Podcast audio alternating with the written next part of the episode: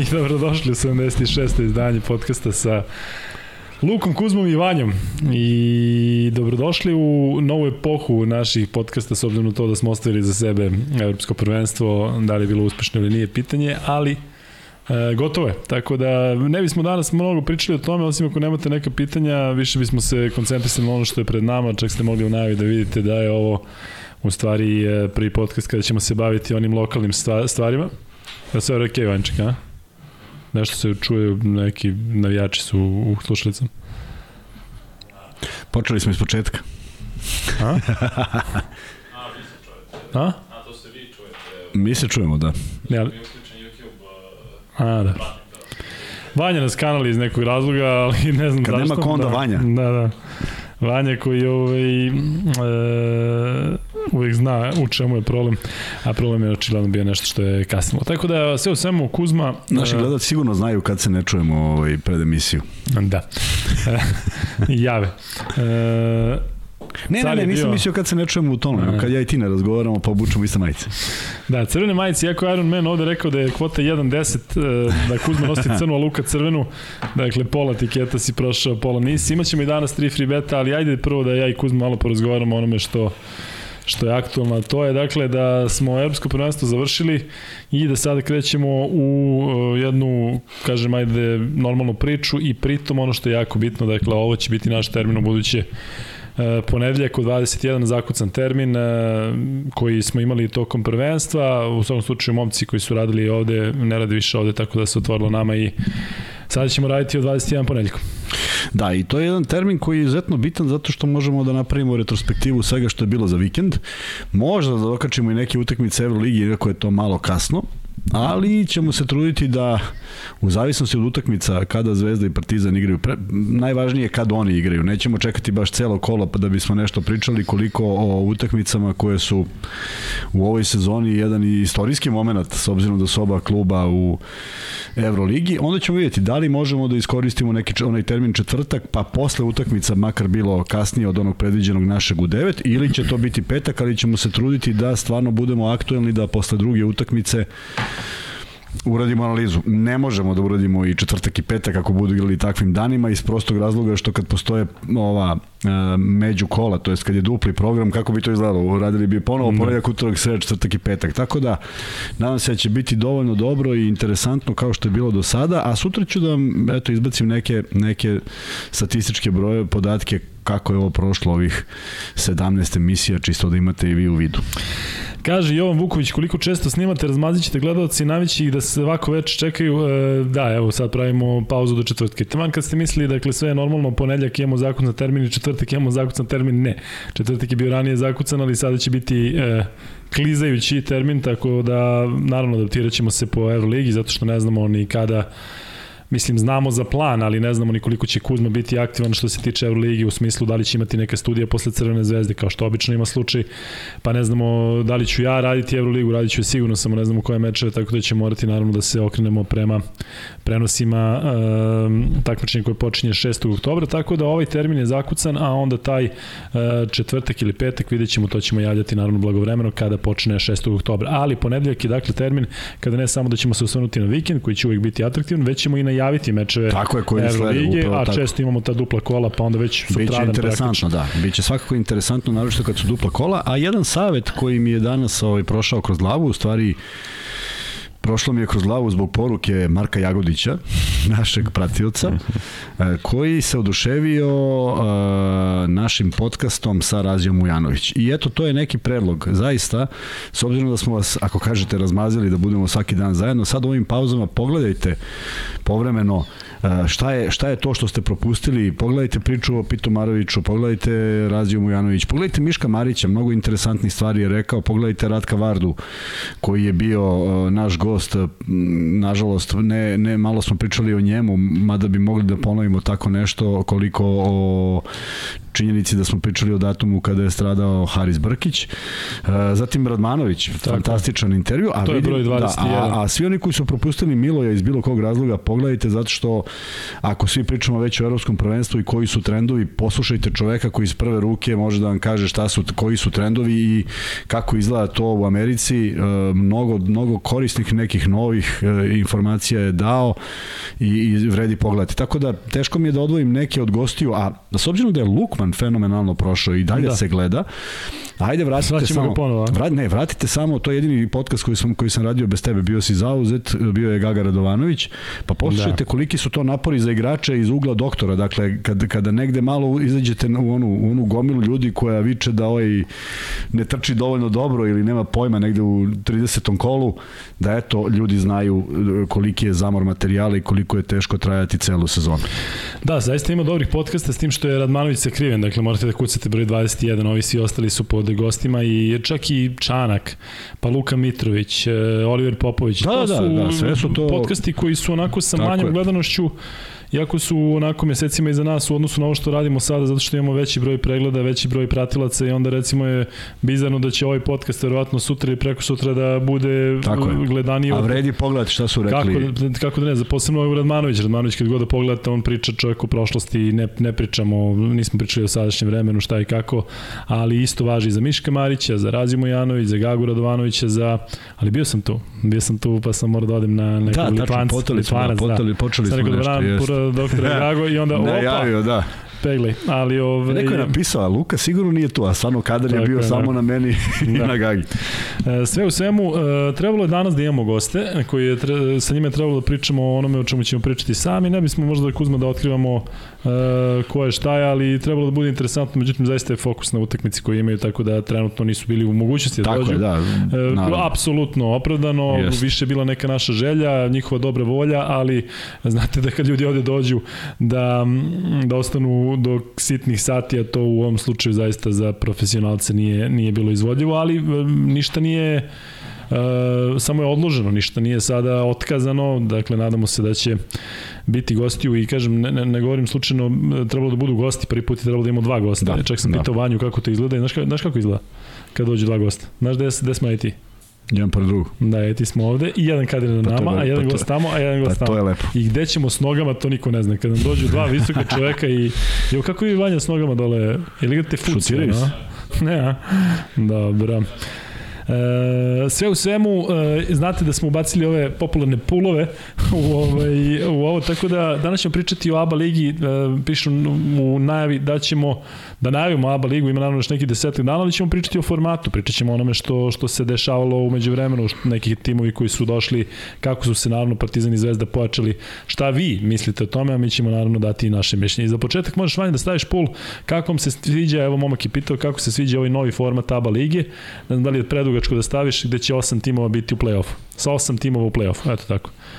Kako vam se dopada novi format eh, ABA lige sa osam timova u play-offu i samo stavi da i ne i onda ovaj, smo smo rešili. Tako da Kuzma, ajde prvo, uh, mi smo pričali o tome kako nam se sviđa, ali sada možemo da idemo onako uh, šire. Uh, je to dobro? Za koga je to dobro? Što će biti osam tima? Dobro je zato što, zato što daje tu neku draž koju je playoff uvek donosio. Nisu se tu dešavala neka neverovatna, neverovatna čuda e, tokom godina od kada je uveden play-off, ali jeste dolazilo do nekih do nekih e, dobrih momenata koji su u krajnjem slučaju u Zvezdinu titulu 97. Zvezda u kojoj sam ja igrao nije počela sa prva četiri mesta, to je snimala prednost domaćih terena, pa je to došla do, do titule. Tako da ima tu dobrih, dobrih momenata e, i naj nekako je pravednije, znaš, m, cela sezona da se svede na to da će biti prvi sa četvrtim, drugi sa osmim, sa drugi sa trećim, ovo nekako daje malo draž, ali, ima jedno veliko ali, m, povećava broj utakmica za koje smo stalno govorili da su da ih da ih ima mnogo. Tako da m, u momentu kada se igra play-off uh, Evrolige, tu mi je uvek taj osjećaj da, da, će, da će tu neko želeti samo da se niko ne plasira da mi odigramo naš playoff, što nije u interesu makar dva kluba, a jeste u interesu ostalih klubova, što je mali paradoks, jer e, nekako, nekako e, smatram da, da, da bi trebalo to bude prioritet regiona kao takvog, ali nije. nije nažalost i tu nema mnogo nešto dogovora i naravno i ove godine ima to jedno veliko pitanje uh, koliko su povezane ABA 2 i ABA 1 iz prostog razloga što smo shvatili da nisu, jer je Čajetina bila prvak i nije se našla u društvu najboljih zato što je doneto, doneta odluka koja na neki način koči razvoj regiona zato što taj neki koji mora da bude određeni broj klubova ne mora da znači da je klub koji donosi bilo kakvu promenu. Naprotiv, može da bude neko ko će doneti manja kvaliteta, kao što je to bila jedna ideja sa bugarskim klubom Levskim, pa je sve se raspalo dan pred e, takmičenje i to nije bila baš nešto preterana sezona, preterano interesantna sezona, makar sa tog aspekta da je postoji još jedan kvalitetan tim. Tako da, ali ćemo proći sad ove timove da imamo koliko su ti timovi uradili nešto i volao bih da pođeš od Novajlija, zato što ćemo Zvezdu i Partizan na kraju, iz prostog razgovora ćemo najviše pričati o njima, ali neko je juče spomenuo MZT, ajde imamo sastav MZT-a, koliko je tu nekih poznatih ljudi, da li ti znaš, a verujem da znaš mnogo više od mene američke igrače, dok ja proznajem tu braću reprezentativce koji braće su Burazere. braće Burazere koji su tu već dugi niz godina u reprezentaciji Severne Makedonije i oni će nekako biti najiskusniji igrači koji od kojih će zavisiti plasman, a ja želim, zaista priželjkujem da, da MZT bude uh, ne bude samo neko ko učestvuje, nego da eto i naprave neki rezultat. Da, dakle, počet ćemo od Novajlija i e, bavit ćemo se, dakle, e, novim timovima, s tim što ovo što Kuzma priča apsolutno ima smisla, zato tamo dok se malo još e, vi priključite u live-u, pa ćemo onda preći na ono što verovatno većinu najviše zanima, to su Partizan i Zvezda. Što se tiče MZT-a, dakle, ekipa koja je povratnik u ABA ligu, ekipa koja je, e, pa je tako da kažem, nekako nije u prošlosti ostavljao neki, bog zna kakav rezultat, odnosno nisu postizali neke rezultate, ali dešavalo se da naprave problem i Zvezdi i Partizanu, tako da sa te strane e, nije sporno. MZT u svojim redovima, dakle, E, pored braće Stojanovski ima i Strahinju Mićovića koji je došao iz Monara, moma koji je ovde igrao u radničkom sa Crnog krsta, koliko se sećam, ako se ne vram bio jedno vreme i u FNP-u, ne znam jeste, jeste, jeste, da, on jeste. je, ali sećam se da je bio na Crnom krstu. Imamo koji je onako vrlo interesantne građe, 205 cm visok, može da pogodi trojku. To verujte mi, ja znam zašto smo učestvovali zajedno na jednom takmičenju u šutiranju trojki i on je bio drugi, ne, on je bio prvi, ja sam bio drugi, jedan momak je, da, ali je nešto bio potpuno neki egal, a igrali smo opet i na nekim drugim u nekim drugim formatima. Sjajan momak, s tim što ovi momci poput Mejka Kefija i Evana Maxwella nisu, nisu toliko poznati. Ono što je um, zanimljivo i potencijalno um, može da nam govori nešto, to je da imaju istog agenta, dakle to je mm, momak koji je možda u ovom regionu poznat stranac je, Mike F. igrao za Kralsham, eh, Evan Maxwell igrao za jednu manju ekipu u, u, u Sjedinjim američkim državama. Ovaj Bray Ivy koji je igrao za Akademiju FNP-a bi mogao da bude interesantan igrač. Takođe tu je i Samet Igitoglu, dečko ima 18 godina iz Turske, od koga ne znam šta iskreno da očekujem, eh, neko ko je onako zanimljiv. I ovo ostalo su uglavnom uh, makedonski igrači. Sada, Kuzma, koliko to što nema tu nekih, hajde da kažem, ekstra poznatih imena, možda bude dobro, koliko loše. Videli smo u, u studentskom centru da su oni sastavili Tako onako je, dobar tim koji je onako iš, išao na sve. Da li ovo sada treba onako da bude neki, da kažem, onako neka Nešto mina slično, ili, da. ili, ili Pa znaš šta, bilo bi zgodno da bude, zato što, zato što e, MZT je dugo godina čekao na povratak i sad kada se vratiš, valjda je ideja da se ne vratiš opet na godinu dana pa da neko razmatra da li je to u redu ili nije ili da zauzmeš poslednje mesto pa da si opet u istom problemu. Tako da ne znam koliko ova ekipa obećava, ali ta dva igrača koja, koja su vam najpoznatija su momci koji su u ozbiljnim godinama, ali donose neko novo iskustvo, to jest donose svoje iskustvo i kažem, vola bi da vidim da se poremeti ta neka slika izgleda tabele unazad deseta godina, možda i više, da, da jedan, da neko uskoči baš kao studentski centar, jer nam se dopalo kako igraju, dopalo nam se što nije bilo preterano mnogo respekta prema velikima i što su igrali jednu interesantnu košarku, ako bi, ako bi za ovu sezonu MZT to uspeo, to bi već bilo dovoljno dobro i ja se iskreno nadam da će oni biti potencijalno veći problem nego pojedine ekipe koje su, koje su nastupale prošle godine. E, možeš Vanja da ugasiš ovaj, e, ovaj prvi pul da vidimo da li im se sviđa ili da, im, da li im se ne sviđa ovaj ovaj novi format. Sviđa se 66%, ne sviđa se 33%, ali e, čini mi se da je to onako normalno, ovo neko nije delovano normalno, samo kratko i da mi kažemo da smo na strani ovih kojima se sviđa. Da, da, tako? da, da, tako da, da, da. Eto, sada ajde samo da nabrojimo timove koji će biti u ABA ligi naredne ajde. godine, dakle, koliko ja ovde vidim, a tim iz prvi, čini mi se da je samo da je MZT jedini jedini Novajlija. Pa jedina jedna ekipa ispala. Tako je. Borac, budućnost, Cedevita Olimpija, Cibona Zvezda, FNP, Gokea, Mega, Monar, Barsko Zlato, to je novi očigledno naziv, MZT Skopje Aerodrom, da vidimo da li ovo je to dobro što su im oni sponzori nisu, Partizan, uh, SC Derbi, Split i Zadar. Dakle, to su ekipe koje će igrati naredne godine u, Krke u nema, ABA ligi. Nema Krke, da. To Pa da. je interesantno i Pa da. MZT umesto Krke, vidjet ćemo da li to šta to donosi ligi. U svakom slučaju, bojim se da, mislim, bojim se, tako bi trebalo da bude E, da. Plašim se. Da, da, ne, vidiš da sam, vidiš da sam prebacio, ali um, za Partizan i Zvezda će dalje biti ovde potpuno dominanti. Da, i ja mislim, i ja budućnost mislim. je tim koji, koji može mnogo, ali CDVita naravno, ali Partizan i Zvezda sa ovakvim pojačanjima neko si podrazumeva da, da, da ABA Liga možda neće biti toliko interesantna Tako, zato, zato sam i rekao da ćemo mnogo pričati o Zvezdi i Partizanu, pa je. da iskoristimo da krenemo doslovce od, od pozadi, ne po kvalitetu, ne po nečem očekivanem što se rezultata tiče, ne- nego već jednostavno da krenemo od nekuda, da ne bude od najjačih. E, ajmo do borca, koji se, kojeg si naveo, pošto je da od borca? abecedno, pa da, abecedno je tu. E, ambiciozna ekipa sa trenerom koji je dostigao i reprezentativni o, nivo. O, siguran sam da je imao šta da vidi, da neke stvari u ovom periodu nauči, da neke stvari možda već na prvom treningu isproba. Tako da Bo- Borac, ja mislim da je igrao bolju košarku nego što je rezultat to prošle godine pokazao. Ne slažem se s onom idejom, ali ja ne mogu to da znam najbolje, e, to znaju ljudi iz kluba da baš bude tri stranca u Čačku, to mi nekako od udara od svega zato što sumnjam da bi sa tri neka druga igrača oni imali lošiji, mnogo lošiji rezultat, tako da neka razmise o tome za, ne, za nešto buduće.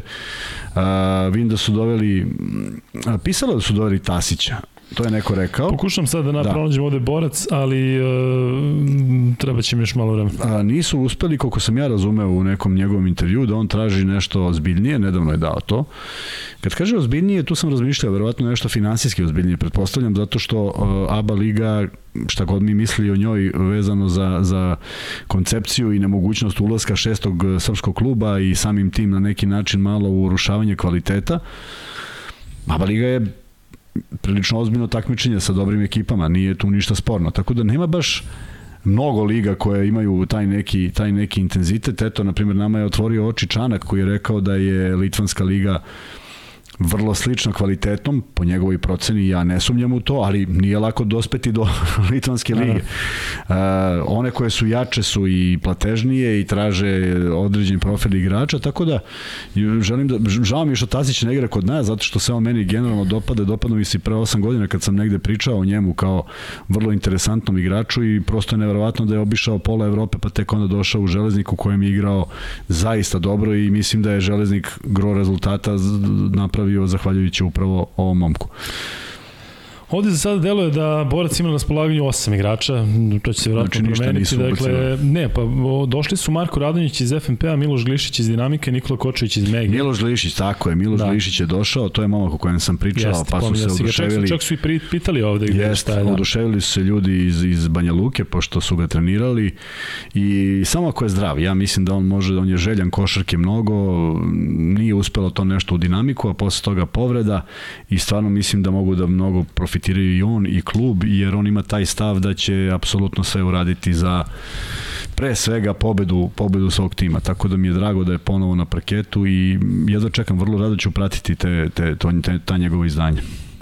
Dejan Tomić kaže, Luka i prošle godine bio Monar Barsko zlato. Jeste, jeste, bio Jel tako, samo nikad, da? nikad, nikad redko Ali je nisam pisalo. ga izgovorio, znaš, Nisam ga kada- izgovorio, jeste. Kada sam, da, nisam nikada sam Bio rekao, bio je Barsko jer zlato. u, u dvorani, U, sad da, da, da, i kad bi rekao Monar Barsko zlato, ja sam, ne, znaš da sam, sećam se da sam rekao greškom budućnost, pa kad su ovi rekli sa klupe, kao nismo mi budućnost, ja posle priđem izvinim se, rekao momci, kaže, ma da, bre, kaže, ali kako čuju, neverovatno, to je... Da, ovaj, da, da, da, pomisliš nikog ne da, zanima. Da, da, da. Tako da u suštini e, momci koji su otišli iz borca su Ilija Đoković koji je otišao Da, otišao u Temišvar, su nam Temišvar, Marko tako je. Pecarski u Monar i Lautaro Lopez je otišao u E, on nije bio loš. On nije bio loš. Jeste, da. On uopšte nije bio loš i čak mislim da je bio onako profilisan uh, timski. Uh, nije, nije, nije odudarao od onoga što je bilo potrebno, tako da da, m, interesantno da je otišao, verovatno i on imao neku drugačiju Da, neko ponudu. da zapitaš nešto kako drugo. je došao, znaš, prenosio Da, da, da, sam ga, to je vrlo interesantno. prenosio sam naravno. ga, mislim, na, u, u reprezentaciji i on deluje kao onako solidan igrač, ništa, ništa sada specijalno, ali mm, zanimljivo je u svakom slučaju, tu je Hunter Hale, Amerikanac od koga zaista ne znamo šta da očekujemo, Uroš Čarapić, Aleksa Novaković, Radovan Đoković, Da, da, to su momci koji su igrali i prošle Da. godine. e, i Nemanja Todorović koji je u toj ekipi i najiskusniji. Vidjet ćemo, sigurno će to biti još pojačanja, dakle, ja koliko znam, Kuzma, Marko ostaje tamo trajno, tako? Da, Da, zato što ovaj, ovde, ovde ne piše ništa, ali dobro. Ostani, ništa se tu nije menjalo i taj teren jeste uvijek bio vruć i um, jako čudan teren, faktički si u grotlu, onako ukopan si u, Da, ispod, ispod da nivoa. Marinović nije pisalo vamo. Da. Da, ispod nivoa publike, tako da je onako vrlo specifično igrati i e, vidjet ćemo. E, vola bi da, da, da i oni naprave rezultat zato što sam negde ponov, ponavljam se pomenuo njih kao klub koji će napredovati i sad zamisli šta može da se desi ako borac uđe u neke te uh, konkurencije za, za, za viši plasman, za bolju poziciju u play-offu, automatski skače sve u gradu, gledanost, uh, podrška, interesovanje, tako da je to jedna svakako dobra stvar. E, Marko Ivanović je tamo u Uh, da, igrali igrali, smo, tako? igrali smo zajedno u Beobanci. Je tako? Uh -huh, jednu Da. godinu smo igrali. On delovalo, je- delovalo je nekada da je onako stariji nego što stvarno jeste. On je onako, ja mislim da je ranije da, imao, imao je sedu, sede, sedi da, pramen, još da. onako, I, a jak, ja, ali, tako, ali što je voleo da, da, da potkači, to je bilo čudno. Ma da, pa i nas na treningu, ali onda znaš, navikneš se pa ti bude lakše na utakmici. Međutim, bila je to dobra sezona s obzirom da je on imao već preko 30 godina, ali nije se to ništa primećivalo i, i bila je to prilično dobra sezona kako smo igrali i koliko nam je trebalo da se priviknemo na taj neki sistem Darka Rusa, ali jeste igrali smo zajedno i igrao sam igrao u Partizanu svoje vremeno, pa u Hemofarmu, ako se ja dobro sećam, tako da smo se susretali posle i, i kao konkurenti. Ajde da ne ostanemo dužni da kažem samo da je Aleksandar Petrović e, trener MZT-a. E, ali ajde na što možemo na kraju, možemo da napravimo neku prognozu. Da vidiš recimo MZT od... E, Ne znam, ne, moram da vidim prvu utakmicu, znači moramo da vidimo Da. nešto, da. Samo ali nešto borac, da da vidim. vidiš recimo borac u play-offu. Pa borac, da, vidim ga u play-offu. Da, mislim da je da je cela cela cela prošla sezona bila uh, za nijansu ispod očekivanog. Dakle ja ne mislim da su oni gađali visok plasman, ali su krenuli vrlo ovaj uh, ambiciozno i mislim da je sad ovo taj neki valjda su valjda su videli šta je to što nije valjalo, a uvek ima i, i kada osvojiš titul ima nešto da ne valja, a kamoli kada negde ne ostvariš neke svoje e, ciljeve. Tako da bih voleo da ih vidim i mislim da ćemo ih vidjeti u plej-ofu, a onda oni mogu da budu neko neki taj teren koji donese prevagu u, u, u, u mečevima. Iskreno se nadam, ne, iskreno se nadam, drago mi je što nije ono 1-2 prva kod, prva kod slabije plasiranog, jer onda bi borac imao možda, možda i mnogo veće šanse ako bi se plasirao od petog Da. do osmog mesta, ovako vidjet ćemo. E, sledeći tim po abecedi, s tim što smo ajde počeli sa MZT-om zato što Novajlija, Da. da. sada ćemo da krenemo abecedno, sledeći tim je e, budućnost. Pre nego što krenemo na budućnost, ja moram da se pozavim jednim momkom iz Crne Gore, e, koji je do, s vama dobro poznat, zove se Bojan Dubljević. Ja zaista sam oduševljen da je momak, koliko ima Kuzma kako smo ga gledali? Nema 10 dana. Da. Ali ima 10 dana, Da. imam tako prek. Deset. E, Evo ga, igrao je sada, juče ili kada, igrao je prijateljsku protiv Bajerna, bio je glavni igrač, 12 Eto. pojena, ne znam čega. Da li, bi- nema tu vremena za odmor nikakvog, a? Nema, nema, očigledno da nema. I uh, Još pritom, izvini, Crna Gora je završila ranije. Dakle, ranije, on- pa da, pa dobro, 10 dana, nema više. Da, I nekako mi se čini da u njegovom slučaju on bio taj koji je rekao, ajde, dajte mi dan, dva i dolazim da, pa da, da, idemo. da, da, Tako da, da. I druga sjajno. stvar, druga stvar i to što se Valencije tiče, ti znaš, pričali smo kakav je to klub, kako je koncipiran, koliko je on dugo tamo, on to osjeća kao da se vratio kući i sad kao šta, neće da ide da da uradi nešto s familijom. Tako deluje, dakle, Da. ima takav osjećaj i mislim da tu on, on to radi iz profesionalizma, ali i iz jednog odličnog odnosa a, koji im očigledno prija i koliko sam čuo svim igračima koji se zadrže toliko dugo, ta Valencija znači onako baš, baš, baš mnogo. E, malo ćemo samo ovde oko o pitanjima, pitanje šta mislite o Ciboni, doćemo do Cibona, Lautaro Lopez kaže da je najgori igrač bio prošle sezone, svi su jedno čekali da ode, pa nije u reprezentaciji igrao pristojno je sada ta reprezentacija, ja utakmi... oni, oni, oni Fibine mečeve, da. pitanje da li je to mega. Ja utakmice koje sam video nije bilo ništa, da. ništa tragično. E, dva bisera su borcu, Đorđe Ćurčić, I onda se stavio i Đorđe Ćurčić 2004. i 2005. godište. Da, njih smo ja gledali prošle godine. Jeste, da. E, da, pa dobro, to su momci koji imaju 18-19 godina. Tako je, su više, tako da kažeš, da ono, toliko mladi, da kažeš da su klinici. Da, već je. treba sada da, da, da se vide šta mogu. E, gde završi rade Zagoroc, ne znamo, čekamo, verovatno će se pojaviti uskoro neka informacija, mene ne bi čudilo da se pojavi u nekom od ovih timova koje, koje pominjamo danas, nekako bez bilo kakvog, e, da sada ja nešto prizivam, ali neko mi deluje da Igo Kea budućnost možda jeste neka, neka opcija za njega, vidjet ćemo kakvi su njegovi opšte njegove ideje, ali me ne bi iznenadilo da sutra izađe rade Zagorac u IGOK ili budućnosti, to su mesta gde bi vjerojatno moglo da ima, sigurno bi moglo da, da Dobili smo poruku da trenira u Zemunu sa borcem iz Zemuna, ako sam ja dobro razumeo, pa jedan momak koji je često na treninzima gleda ga i baš je poslao poruku, kaže, nadam se da ću Zagorca ovde gledati kratko. Dakle, da, da ga vidim sve, svaki dan, kaže, čekam da ga ne vidim. Tako da se zaista nadam. Da. želimo sve najbolje. Jako je delovalo da su malo kritički govorili, jednostavno njegova sezona bila takva da se očekivalo više. I to je to. Pitajte da li si ikada igrao protiv Nenada Markovića iz Sarajeva? Nisam, nisam, nisam on je stariji. Igrao si protiv Nenada Markovića drugog?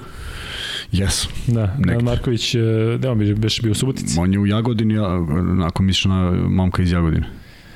E, ali igrao je u Spartaku, tako? A, nije. Nije, nego gde? Ne, to je, nije on igrao u Spartaku. Nenad Marković je mogao da igra, ne znam, ne mogu setim, ali da. mislim da smo igrali jer se znamo sa terena. A možda da. čak i tek kad sam izašao iz zemlje pa smo se negde susreli. Mm, da.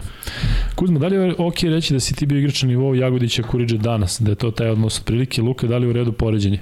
Pa nije. E, Kuzma je bio e, drugačiji tip igrača, ali jednako značajan timu, ako na to mislite, u smislu da se zna šta treba da radi. Bar je tako meni delovalo kada sam odrastao. Kuzma je igrao ali možda se povezuju zato što evo oni u budućnosti, a sada nam je to sledeći tim i ti si u budućnosti igrao, ali potpuno drugačije budućnosti, tada igrala Euroligu, bila u play-offu Euroligije, a danas čini mi se da nije. E, moj dolazak Blizu. u budućnosti iz Beobanke kao prvog strelca, drugog skakača i drugog asistenta nije značio da ja to mogu da nastavim i u budućnosti. Ja sam vrlo bio svestan kod koga, kod koga dolazim i sa kim ću biti na terenu i kad izađeš na teren sa igračima sa kojima izađemo, svi imaju reprezentativni rating, onda se jednostavno nađe u svoju ulogu ja sam je našao i presjećan sam kako sam igrao uopšte te tri godine i koja mi uloga u timu bila i koliko minuta sam proveo na parketu i koliko utakmica sam odigrao i sve sve, ali neko ko se slab, neko se slabije seća nego neko ko, ko nije pratio BFC može da vidi potpuno drugačije izdanje od tog. Tako da bio sam neko ko se podredi ulogu, podredi uh, timu i ako mu se nađe neka uloga koju on može da urodi, ja sam bio za to. Tako da um, ne mogu da se poredim sa, sa, sa Jagodićom Kuriđom, ne zato što mislim da sam bio bolji ili lošiji, ne zbog toga, jednostavno drugačije, mislim da sam bio mnogo kreativniji, da sam bio na drugoj poziciji, da sam uh, da sam mogao da uradim mnogo stvari koje, koje ovaj, koje čak i mnogi moji savremenici nisu. Evo ja, neko pitanje za ljude koji su gledali košarku, da kažu ko je, ko je imao skok šut u tom periodu baš skok šut ko je, ko je tako šutirao. Ja kad vratim film, malo je bilo igrača koji su to radili. Ali to je prošlo vreme i nije mnogo važno. Važno je da je Jagodić Kuriđa majstor koji će i ove godine u budućnosti naći svoje mesto i ako neko od njega očekuje da vodi ekipu, pogrešno očekuje, a ako neko očekuje od njega igrača koji će biti jedan od najpouzdanijih na terenu, onda je to onda je Vlada Jovanović pogodio. Da, ovde vidim da pišete o Nenadu Markoviću, ne mislimo na Nenada Markovića iz, e, sada kada smo pričali, ne mislimo na Nenada Markovića koji je igrao u Olimpijakosu i koji je vodio ne. i turski klub Gaziantep, Trabzon, gde je već se bio, dakle mislimo na drugog Nenada Markovića koji nam se javio pre neki dan. Jeste, jeste, javi, da, javio se, on vodi Temišvar, tako? Da, u, u Rumuniji. Da, e, tako da samo, samo ovaj, su dva Nenada Markovića u pitanju. Dakle, budućnost. E, budućnost delo je više nego pristojno, moram priznati, u odnosu na ono što sam e, ja očekivao, dakle tu je dosta igrača koji su se istakli na ovom evropskom prvenstvu, ajde krenut ćemo redom. Dakle, e, prvo došli su Alfa Kaba, ko ćemo pojedinačno da je kažem. Dobro, da, reći pojedinačno. Alfa Kaba, pa ne, imaš nešto njega? Ne, Ne, okay. Pa mene, mene ništa nije oduševio on iz onog perioda u Megi, pa oni bi 65 na draftu i sve, ali ovo moguće da. da je sredina gde će moći da. da, da. Došao je Kenan Kamenjaš, iz SC Dobro. Derbija koji je igrao sada Dobro, za... da, za logično ide, ide korak više. Došao je Phil Booth iz Ostendea koji igra onako više nego pristojno od njega znamo, dakle čovjek je imao onako dobru internacionalnu karijeru i reč je o dobro poznatom imenu, iako za onako za Amerikanci jedan, jedan od mlađih, ili oni dođu u, u Evropu sa 23-24 godina, on ima 26, ali recimo da bi mogla budućnost da mu bude odskočna daska možda i za nešto dalje. E, Trey Bell, Bell Hines je momak koji igrao za Rio Breogan i igrao je do pre nekoliko dana za reprezentaciju um, Kanade na onom Ameri kupu i to je bio čak i jedan od bitnijih igrača zato što je jednostavno bio takav tim da nisu igrali oni e, najbolji iz NBA lige. Bilo tu interesantnih imena, Skrab, braće Skrab mislim da su igrali, ali Trebal Heinz je puf, onako, moram priznati, nepredvidiv. Dakle, jedan od onih koji ja inače ne volim, ne volim ali ovako meni bio simpatičan, 40 pojena možda da. Trebal Heinz, on igrao prošle godine u Rio Braganu, što pokazuje da da je sigurno dobar igrač zato što je Rio Breogan bio više nego pristojan tim u Španiji u smislu da su radili dobre stvari. Aleksandar Lazić iz Monara, Kuzma. Odnosno, da, on je došao iz Monara. Dobro, da. Dobro, dobro, dobro, dobro pojačanje. Jest. Još jedno, dakle, još jedno dobro poznato ime koje je sada igralo za reprezentaciju Bosne i Hercegovine. Aleksa Ilić iz Derbija i Aaron White iz Crvene zvezde. Da li je Aaron White najveći pojačanje? Jeste. Jeste, ako je onaj Aaron White pre povrede, pošto tu je bio najveći problem o, što on nije faktički počeo sezonu u nekom svom ritmu, imao je strahovitu povredu, vidjet ćemo kako će se osloboditi, jer ja mislim da on može da pruži odlične partije, da uopšte nije bio nalik onom Whiteu iz prethodnih sezona i e, mislim da će biti dobro iskorišćen, a očigledno da mu prija negde klima, s obzirom da je faktički ostao u regionu i da on je dobio i dete sad umeđu vremenu još jedno, tako da možda mu se nije selilo dalje od ovoga i možda dobra pozicija da budućnost bude jedna ozbiljna prepreka za, za mnoge klubove, a da naravno ne samo da, da, da se bori za Uh, neko mesto u play-offu, nego mislim da će ti momci učiniti sve da i Zvezdi i Partizanu pokažu ko su. Prema tome, ako White bude bio u dobroj formi, ostali klubovi će imati ozbiljan problem. E, sada što se tiče igrača koji su otišli, e, ovo je jako zanimljivo. E, Filip Barović je otišao u Rumuniju, u Rapid. Justin Dobro. Kops je otišao u Japan. Dakle, sećate se da ste svi pričali o Zvezdi. On je otišao nekom drugom varijantom. E, Danilo Nikolić Ja, je otišao u, u Dijon, da. da. i ja mislim da u Dijonu Nenad Marković, vi ovde pišete da je Nenad Marković tamo trener, njemu zaista želimo apsolutno e, sve najbolje. Ima neki strahovit učinak sad u prvoj utakmici debitanskoj. Ja, tako? Nešto, nešto, da. nešto mnogo za malo minuta. Ma, kažem ti meni uvek kada njega vidim da. super. Donata Starolis je otišao isto u Rumuniju u Radeu. Kendrick Perry u Nikahi, Zoran Nikolić, o kome se baš pričalo da će biti kao u Zvezdi, tu su izašli, izlazile neke informacije, e, je otišao takođe u Francusku za Portel.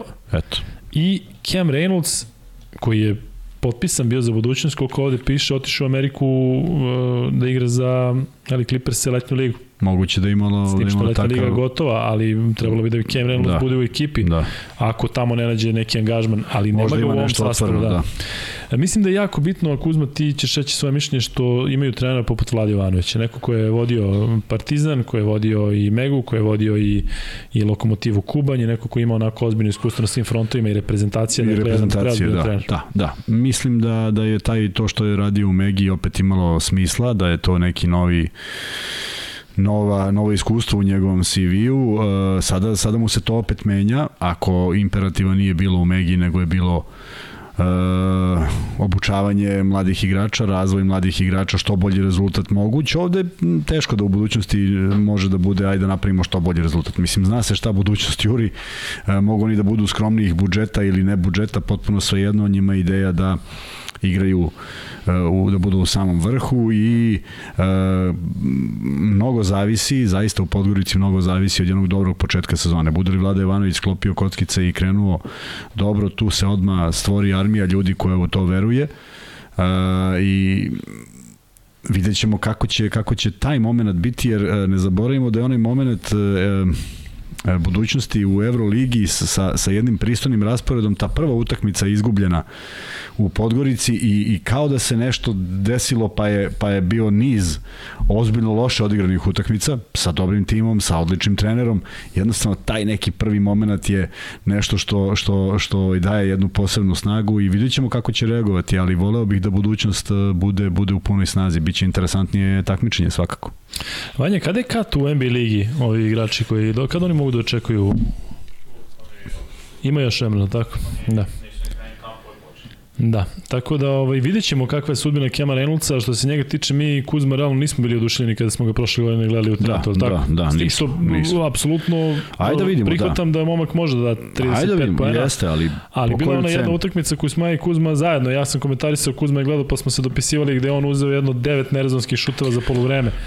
E, kod Vlade Ivanovića ne verujem da je to moguće. Da, da, e tu je, tu je vrlo bitno da, e, sad, sad baš ti dobro rekao, ako Vlada Ivanović to postavi i cela uprava, ceo stručni štab stane iza toga, onda i to igrač posluša, onda to stvarno može da bude uh, uh, nešto dobro. Zato što Vlada Ivanović nije neko ko skraćuje tebi mogućnost kreacije, nego jednostavno te samo uvodi u nešto što se zove odgovornost u igri. Dakle, nemoj da budeš neodgovoran i ispolji sav svoj talent, ali ako bude ono, kao ono što smo gledali, jer ono je stvarno bilo negledljivo u jednom momentu, videli smo reakcije njegovih saigrača koji su bili u fazonu, pa neću da se vratim da. nazad sada kada, kada se ne zna ko pije ko Delovalo je da u tom trenutku za Trento baš svi igraju onako za brojeve da bi da, posle da, mogli da, da ovo, to, a on je, to. on je e, to treba izbeći, ali to, da. treba, to treba objasniti igraču da to mora da izbegne. Dakle, da mu se nekako objasni da taj ugovor, a to je jako teško, taj ugovor ne važi, ne, ne gleda se samo kroz njegove brojeve, taj neki sledeći. I to je jako teško objasniti, zato što nekako mislim da svi to gledaju i uh, evo, mene, mene uvek iznenadi kada Kobs, ako imao ponude, a možda je imao, kako ode u Japan. Koliko ima godina? 30 i nešto. Pa koliko god. Ako si mogao da igraš neku bolju košarku, neću da omalovažavam Japan, ne znam kakva je situacija u Japanu. Mnogo je dobra lova. Upravo to. Znaš e, ko se igra u Japanu. Upravo to. Baš upravo, upravo to je. Sad gledaj, sad neki taj Reynolds napravi fantastične brojeve i zovu ga Unikaha ili Japan i tamo je više i on ode u Japan. Znaš, da li si stvarno pravio brojeve zbog toga da bi otišao bilo gde? Ja, ja, ja sam uvek mislio da je svakom cilj da bude znaš, što bolji, što više, pa kad nešto se ono, kad, kad krene malo umor, malo godine, da onda tražiš neko uhlebljenje, ali očigledno su se te stvari promenile i svi traže Amerikancima manje više, ja mislim da ne znači mnogo da igraju, to je meni isto vrlo specifično kako razmišljaju, mogu i ovde i onda ako su pare veće, igraju gde god treba, tako da ja mislim, ja iz, moje, iz mog ugla je to onako nekako uh, imaš novca, ali gubiš neki, neko, neko zadovoljstvo u košaci. Ja bi, ja bi uvijek probao sa najboljim. Um, Meni se čini, prelazimo na sledeći tim, Kuzma, ok, ajde, da, ajde, da, naravno. da buduće smo kompletirali. Meni se čini da se Cedevita baš kako treba pojačalo, dakle nisu, e, ne čuniti Josh Adamsa, ali um, da su baš onako birali iz regiona uh, dobre imena i to izgleda ovako. Aaron Harrison je došao iz Turk Telekoma, igrač koji je navodno jedno vreme bio interesantan i nekim beogradskim klubovima, navodno. Josh Adams je došao iz Tasmania Jack Jumpersa gde je zaista mogao da radi svašta, ne verujem da će kod Jurice Golemca moći da radi to što je radio tamo, ali ipak opet druge strane govorimo o bivšem NBA igraču, govorimo o nekom ko je tu Tasmaniju doveo do finala Australijske ligi koja je prilično ozbiljna. Lovro Gnjedić je došao iz Cibone, to je ozbiljno pojačanje, kao i Karlo Matković koji je došao iz mm, NBA ligi, on je tamo nešto sa New Orleans Pelicansima pokušavao. Zoran Dragić, dobro to znamo, Marko Eremić iz Monara, Amar Alibegović iz Virtusa i Mirko Mulalić iz Zalbe, takođe doveli su ovog momka iz Krke Jana Košija. Međutim, sve, sve igrači sa sličnim mentalitetom od ovih koji su vratili iz inostranstva, dakle nekih nekolicina igrača koji su ovog podneblja i onda je mnogo lakša i komunikacija i shvatanje cele priče. E, otišli su Jaka Blažić u Bakče Šehir, Zeka Ogast u Bursu, Uh, Lukaš Čuka u Mornar, čudno mi da su se njega odrekli, eto moram priznati da mi to ne znam, da li je neka pozemica ili nešto, ali Lukaš Čuka je onako jedan i više nego talentovan igrač koji su koristili prošle godine i koji je čak i, i, i u reprezentaciji nešto igra u onim pripremnim utakmicama. Žiga Daneu, unuk Iva Daneu je otišao u Iliriju, ali to ja mislim, njihova filijala, pa će se verovatno vratiti. Uh, Nilo Ivanović, CDVita Olimpija junior, I dobro, to je otprilike to. Tako da nisu oni mnogo izgubili, ali od ovih starih igrača, Edo Murić je dalje tu, Jogi Ferrell je tu. Ne znam šta je sa Pulenom, njega nema nigde ovde na, na, na, Ne Nema vidim ga. Pulena. Da, ali nema ga ni da je otišao. Ne. ne, znam, ne znam šta se dešava sa Krivo Pulenom. nešto zbog mene. Da. E, ali dobro, Marko Radovanović, jedan je više nego pristan centar, to je momak koji je igrao za FNP ranije. Jest. I za Dakle, reprezentaciju. Alen Omić je tu, dakle, Mene samo zanima kako će izgledati gubitak identiteta. Nama je Jaka Blažić Sedevica, se slažeš? da, duš. Da, e, mene sad samo zanima ko će to nadomesti. Dakle, ja mislim da tu može Dragić da preuzme tu ulogu. Video si ga na klupi, na prvenstvu i kad nije igrao. Dragić ili Murić? Pre Dragić, Dragić, pre Dragić. Ne, ne po igračkim kvalitetima, nego po energiji. Jer uh, Jaka Blažić je neko ko, ko, ko je stvarno unosio na oba kraja terena to nešto što je bilo potrebno i nikad se nije predavao i uvek igra u nekom istom intenzitetu. E, tako mi izgleda sa mnogo manje nekog košarkaške, neke košarkaške lepote u stilu igre, tako mi izgleda Dragić i u krajnjem slučaju najstarije i valjda bi trebalo drži slačionicu i da bude poistovećen sa tim klubom. Imaš neki osmeh na licu, Da, zato što ovde zeza sa, sa, ne znam koliko, da, baš je dugo pisao u poruku pa će pročitati. Luka rasprodato je 90% Pisao je Beogradske arene za 23.8.2023. XU USA. Ostalo je nešto malo karta za sektor 400, najavio dolazak i veliki Jordan, biće spektakularno, biće, biće, ne znam da će Jordan doći, ali biće. Samo se izvezajte. Radimo, radimo mi na tome. A kad vas pozovemo, da, da, kad vas onda- Luka pozove odanje, Tako je, i, um, vi se samo šalite, mi ćemo tu ideju da pokrenemo, ne znam da ćemo ostvariti, ali vidjet ćemo. Kažu ovde da se Luka Ščuka već povredio i to je strašno, završio sezonu, gledao sam ga protiv. Holandije, sam ga gledao uh, 10 dana pre pre evropskog prvenstva, ali dobro, malo više od 10 dana. Uh, Vanja, hoćeš da udarimo jedan pul, ovde ljudi su tražili da vidimo uh, kojim je najveći favorit za osvajanje ABA ligi. Vidite da ako može ne bude onako klot navijački, verovatno ne može li ajde. I staviš Partizan, Zvezdu, CDVita Olimpiju i budućnost pa da vidimo šta ljudi misle, e, da probamo da budemo, naravno, kažete kako mislite, ali nemojte, da- ako ne mora nužno da bude, ako navijate sada za budućnost, mislite da će budućnost da osvoji. Primera radi. E, Kuzma, što se tiče, dakle, CD Vita Olimpije mislim da je dobra stvar što su zadržali trenera. Naravno, Jurica Golemac to je Jest, dobro kada trener jest, ostane jedna jest. sezona. Sezona je prošle godine je bila zaista dobra. Oni Zvezdi jesu pružili otpor u ABA ligi, a jedno vreme su bili onako baš favoriti Senki u Evrokupu, međutim Bursa našli su se na na, radaru na, Burse. da, na, na. Da, ko je bio Bursi? Kolateralna šteta. Jeste. E, tako da sve u svemu CDVita Olimpija e, deluje onako kao ozbiljan tim i vidjet ćemo kako će igrati ove sezone. Naravno, Partizan i Zvezda ćemo da ostavimo za kraj, zato što Da, da, da, ljudi da, traže da, da, da da. prokomentarišemo njihove pripremne utakmice i sve što ih čeka, tako da ići ćemo, e, donekle ćemo ići e, redom. E sad dolazimo do ekipe koja je onako prilično problematična u smislu ne znamo šta će se desiti, nadam se da je sve ok, ali pričamo o Ciboni. Kuzma, e, sve to što se dešavalo da se priča da će Cibona da se gasi, meni iskreno nije delovalo realno. Ipak ne, tam mora da postoji neko na čelu koji će da kaže e, daj ne, da ne ugasimo Cibonu, ima neki biznismen koji će da da, Da, to nije to, da, li tako? da, bilo bi Tako krajnje da logično. Cibona igra ABA ligu, kako je, kako je, kako sastavu? vidimo. E pa sada, njihov sastav koji je ovde predavnom e, je e, onako više okrenut mladim igračima i ja mogu sada da iščitam ova imena, ne znam kome će to biti, e, kome će biti e,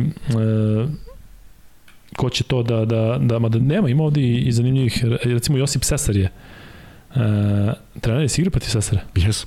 Jel, Oni Giričak su igrali bekovsku liniju. Jel, Sesar stvarno kad se odrazi onako sa onim, što se tiče onih zakucavanja iz koreka, delovalo to? Pazi, bio je vrlo atipičan, Da. da. nezgodan, a, a, ne znaš u stvari šta je bilo teže u tom momentu, da li Giriček, da li on, Giriček koji je stalno išao nešto u X-Ox, ne, nekako, nekako položaj nogu, ne znaš na koju stranu će da krene, a Sesar je imao briljantne partije tada i prosto ne znam kako se ugasio i zašto se taj talent njegov nije razvio toliko, mislim nije jedini, naravno ima mnogo ove sličnih primera, ali vidio si Kiriček je potišao posle otišao u NBA i ipak ostvario karijeru mnogo bolju od Cesara, a mislim da je ovaj bio mnogo interesantniji.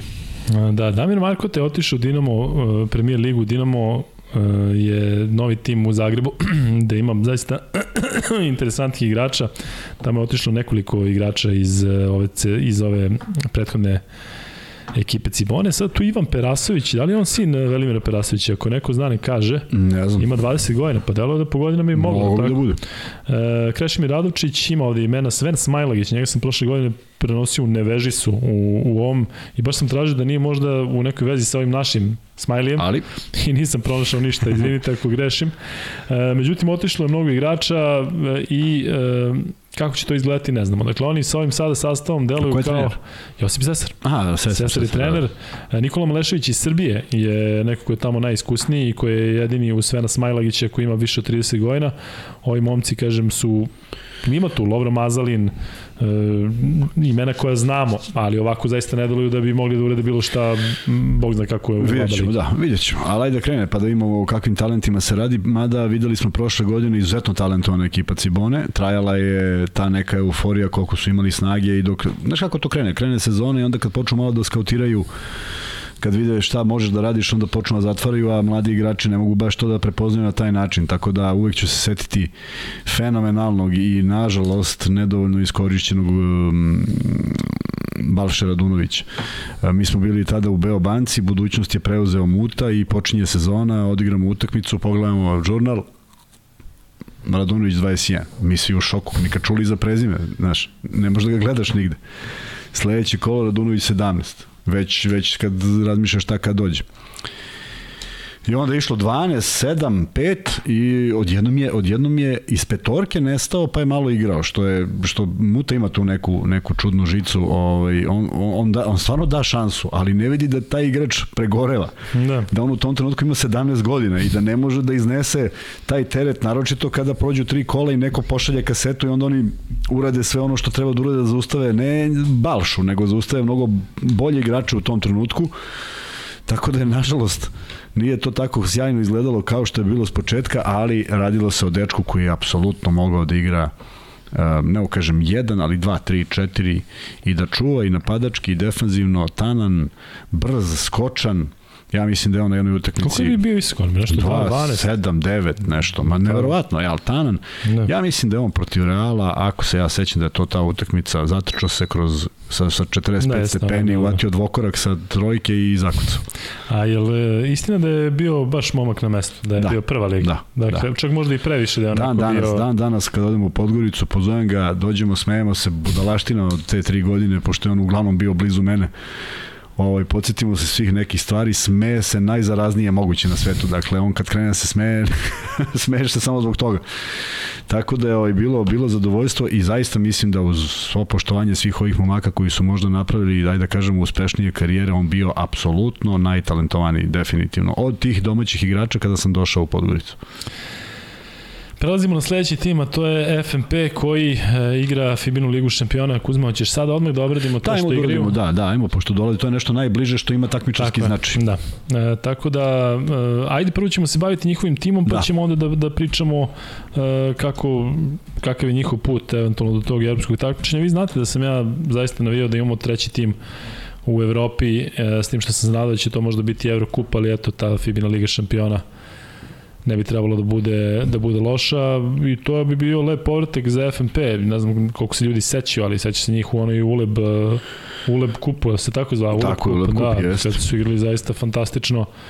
Ako se sećam, igrali da će neko da me, da me ispravi, ali polufinala, finala, nešto, baš, baš sa Todosićem, sa Ercegom, sa, sa Rašićem, bila bi preozbiljna ekipa, e, uglavnom domaćih igrača. Tako je, uglavnom domaćih. A ja mislim da, da je ovaj, dobra procena da se igra još jedno takmičenje, zato što ti momci svaki minut im znači.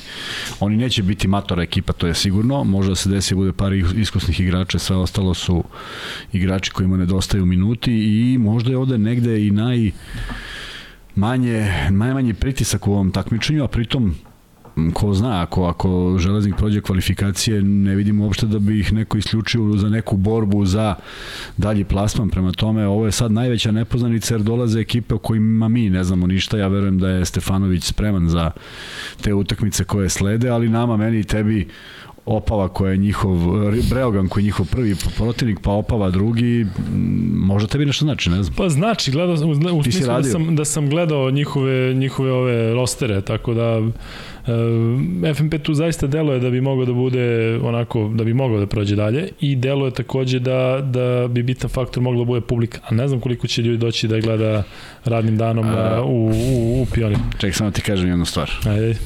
Imaš neku informaciju? Imam informaciju se... sledeću koja je za mene i za tebe bitna. Ajde. Možda ne za čovečanstvo, ali za mene... A, a pazi, ako je, ako i za mene i za tebe, onda, onda je, je logično i... bitno. Da.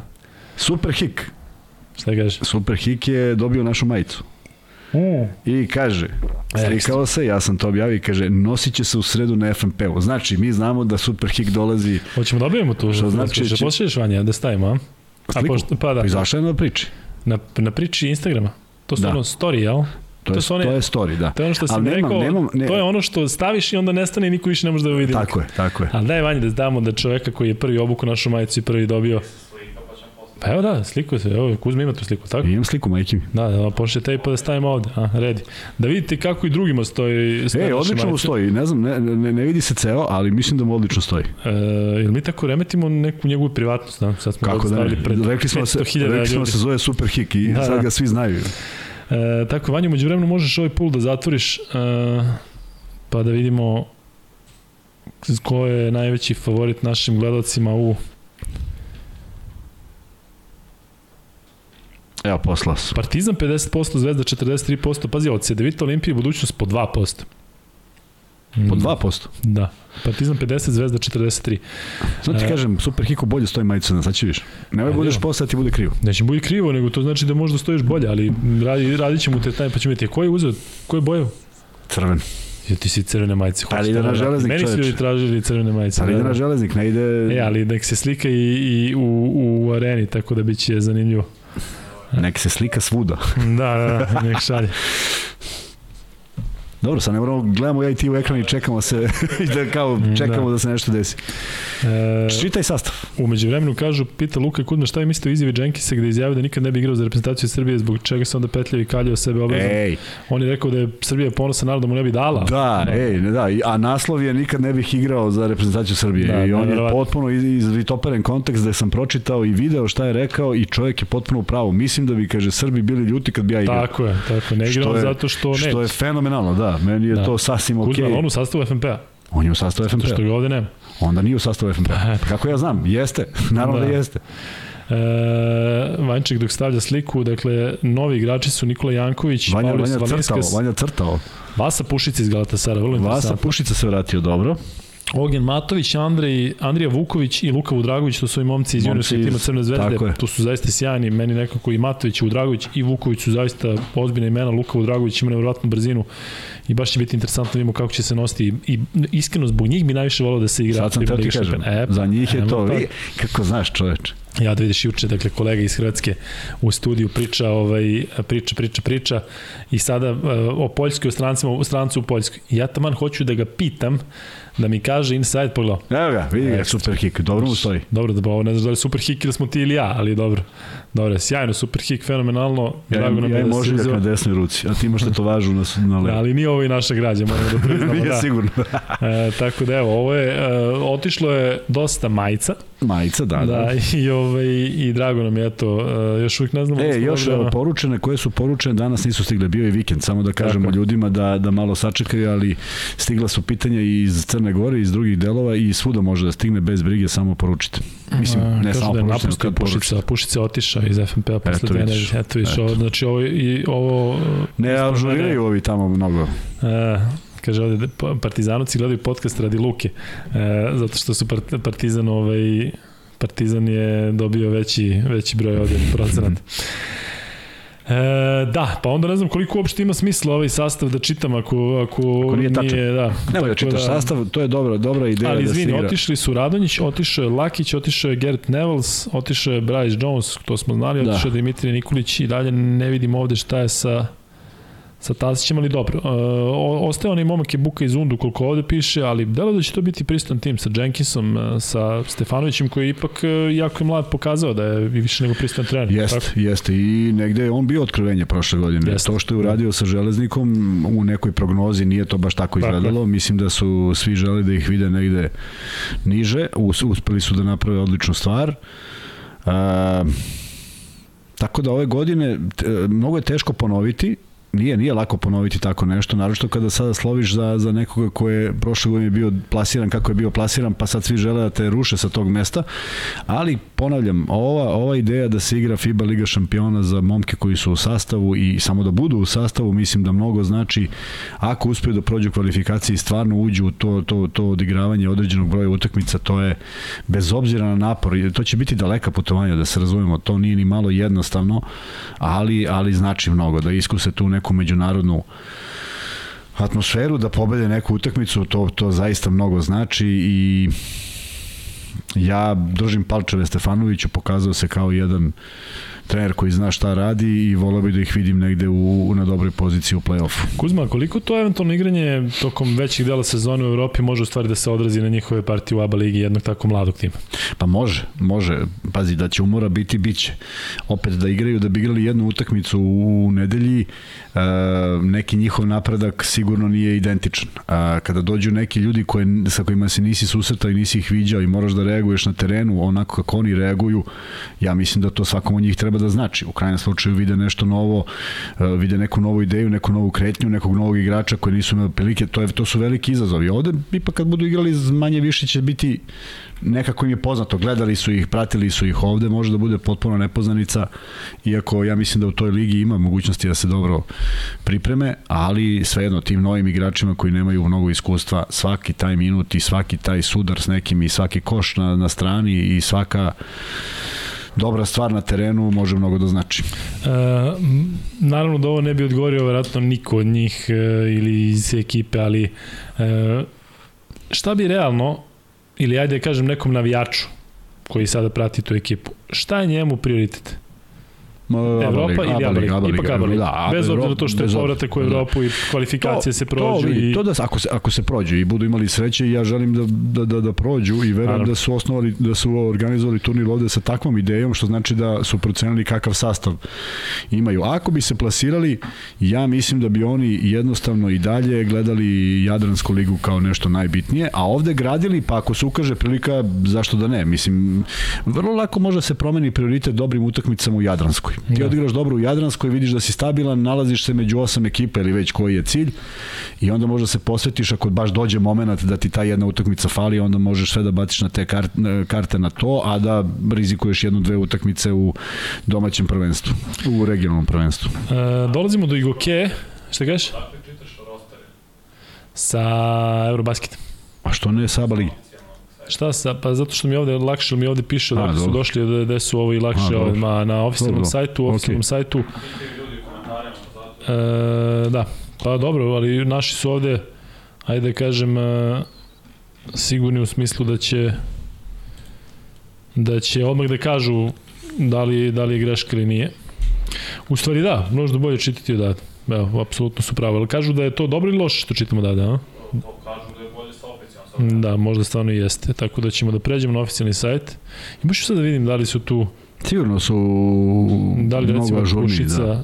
ovde, zato što ranije, govorim sad ranije, ranije, nešto nisam bio mnogo oduševljen tim uh, sajtom uh, Ava Ligi. Ali upravo ste. Krenut ćemo, prebacujemo se na sajt Abe uh, i prelazimo na tim Igo Ke. Kuzma, uh, vrlo, vrlo, vrlo interesantno. Uh, je ko su ljudi koji su došli u, Ajde. u Igokeo. Kendrick Ray igrao za Prometheus, on je bio tamo jedan onako od Britan, pa možda i najbolji igrač. Da. da, gledao sam Prometheus neko vreme, tamo je da, pomoćni trener bio ovaj moj prijatelj, pa sam zbog toga pratio. On je onaj koji preuzima odgovornost, Jest. Kendrick Ray koji igrao vamo i u Turskoj ili već gde. Došao da. Brand Crawford iz Ređe Emily, isto pristan igrač, došao je Mario Nakić. I to smo videli, da. Daj, daj, da, ja se radujem tome. I da ne samo dođe Mario Nakić, nego da Mario Nakić igra. Da, da. Ne kao bio je u ekipi, nego bio je u ekipi i igrao. E, Dušan Tanasković iz e, OKK Dunav. On je, on, je, on je tu već duže i on je odličan jedan levoruk igrač i tu je već ako pričamo o njemu, već nekoliko godina. Gde, u UK? Uh -huh. Piše da je došao. Da je došao, onda nije taj da, Tanasković. Nikola Marić. Onda je drugi Tanasković. Li, Nikola Marić je iz... Da, imaju dva Tanaskovića. E, Nikola da. Tanasković i Dušan Tanasković, jeste. Uh, Nikola Marić uh, je došao sa koleđa, to njemu ne znam mnogo, ne znam. vidjet ćemo. Haris Dalalić je došao iz Sloboda Tuzla. Otišli su James Robinson koji se penzionisao, Aleksa Radanov u Peristeri. Jesi to znao? Ne. E, Dalibor Ilić, onaj što si mi dao adres, Radanov, to ništa. Znači sad po Peristeriju da tamo da se nosi u Grčkoj. Peristeri nekad ima bre dobar tim. Uh. Peristeri, on bio su bili treći, četvrti. Peristeri zvezda, Peristeri zvezda Korać kup. Da, Koronjos. Ko je išao tamo, od, na, koji je od naših? Gurović. Gurović je tamo bio. Mladi Gurović. Da, da. Amsal, Delalić, Stefan Fundić, Milan Vulić i Dalibor Ilić je došao u Crvenu zvezdu, doćemo naravno i do zvezde pa ćemo onda pričati o njima. Međutim, Bajić je tamo godinama trener i UK je uvijek onako, ajde da kažem, tvrd orah, ima tu igrača koji su ostali, koji su poznati, uh, Jošilo i ostali, uh, ali ne znam šta je sa Dešonom Stevensom, ovde na ovom sta, na, na sajtu Eurobasket piše da je on otišao, znaš gde? Ne. U Big 3 i prenosio sam ga u Big pa 3. Nije, što je to je potpisao tamo. On je odličan tamo zato što je spreman. Ti kad igraš protiv Katina Moblija koji ima 50 godina, naravno da će doći do izražaja. Ima i tamo centare koji to mu se ne, ne dopalo, to mu se dopalo Jest, napokon je do izražaja da, došao. Pa zato ono, do, mnogi dobro prođu, ali Vuk Radivojević je tamo GM, što bi se Jest. rekao godinama unazad i neko mi se čini da oni onako imaju taj tandem Radivojević od kada je u penziji, i Bajić i nekako ne menjaju, ne menjaju to, to dobro. Delo je da jeste, zato što je prošle godine to bio jedan tim koji je stvarno ovaj pravio ozbiljne probleme. Jeste. Jošilo, koji se nikako nigde nije uh, u Srbiji zapatio, našao je svoju sredinu i imao neki nenormalan procenat trojke u jednom periodu u sezoni, prosto neprijatno dobar. Uh, A onda su doveli plejadu igrača koji su negde ispadali samo zato što su bili po velikim klubovima, a svi su bili članovi reprezentacija i napravili jednu homogenu ekipu koja je sasvim pristojno izgledala i mislim da im je to neki trend koji hoće da nastave, bez obzira što odu malo iskusniji, što ode ovaj ili onaj nadomeste nekim novim i uh, uspeli su, na primjer, da odole tome da, da Dalibor Ilić mnogo ranije ode negde, naprotiv, čuvali su ga, gradili su ga, odigrao je dobru sezonu, jednu, dve i više i sad je možda korak za dalje, ali su odolili tom nečemu da moraju po svaku cenu da puste igrača i to je očigledno dobra stvar za Igokeo. Kaže ovde da se Robinson penzionisao sa 28, ko će ga znati, ovaj tako barem piše ovde, a podsjećaju da je u Peristeriju nekada igrao i Prelević i sad ću da proverim da li... Prelević igrao? Pa ovde pišu sada. Ne, ne, ne, ne sumnjam, oni stvarno ljudi dobro znaju, nego meni on uvek bio sinonim za Pauk. Tako je. Za Ajk ili Pauk? Za Pauk. Prilić? Pa da. Pa nije on u Ajku igrao, sa Ajkom igrao Final Four. Sa Paukom. Ajde baš da pišem. Ajde. Vanja, ćeš ti da odgovoriti? Evo ja ću. Ajde. Ti tamo. Da igrao Prelević, ja da tražimo ovo dalje. E, da, i Gokea uvek klub koji je nezgodan, e sada realno da budu play-offu, šta mogu play-offu, vidjet ćemo u svakom slučaju, znate, vi koji pratite koliko godina unazad se dešavalo da iznenade i Zvezdu i Partizan. E, mogu da kažem sada, našao sam. U Pioniru, da kažem. Pa Paok 88-96, to kad je otišao iz Zvezde, a AEK 97-99, a 99 vidite Paok. Ali vidiš, ovo je jedna od onih situacija kad smo ja i ti u pravu. Da, pa jesmo, da. Samo je, je Pauk, duže bio u Pauku. Da, bio je da. duže u Pauku, zato što je ovaj... Zato što gledaj šta kaže, nakon toga se vraća u Grčko, ali u suparnički klub PAOK sa kojim nije došao do titula. A ja mislim da je u PAOKu on kup kupova 91. titulu prvaka Grčke 92. 93. polufinale Evrolige, 94. međunarodni kup Koreća. I, dobi, I dobija titulu najbolji igrača 95. Vezano je za PAOK, ipak su najveći uspesi bili u PAOK. Da, da, jesu, nego sa Ajkom mislim da je igrao, da igrao je Final Four. E pa ne znam, kaže nije uspio da dođe titulu, ne piše dalje. E, Final Four, 99. je igrao Final Four, tako? Je tako?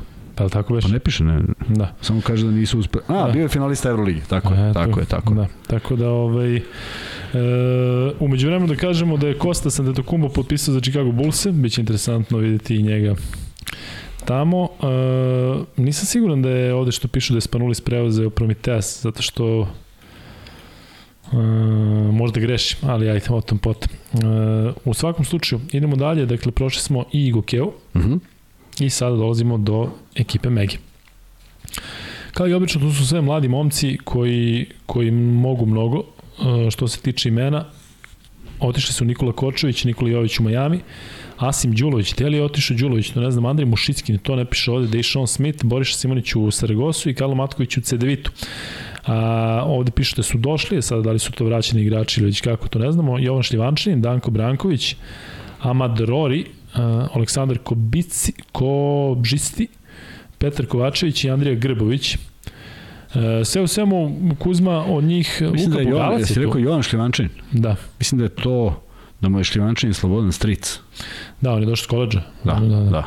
E... Ali ne Đorđe, Đorđe je sin Slobin. Aha. A ovo mu je od brata sin.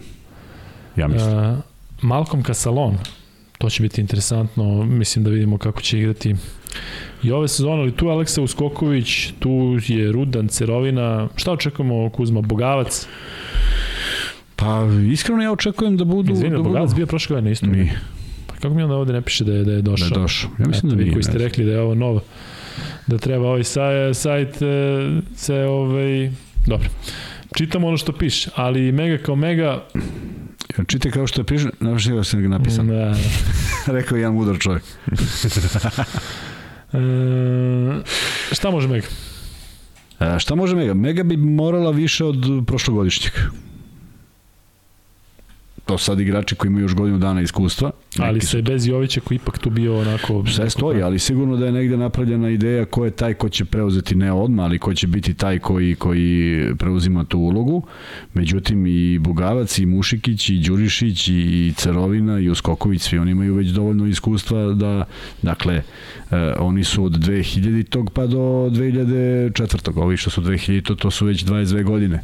I u pogonu su Mege, pa četiri godine sigurno od tog nekog prvog tima, tako da se očekuje nešto što bi bilo sigurno u play-offu.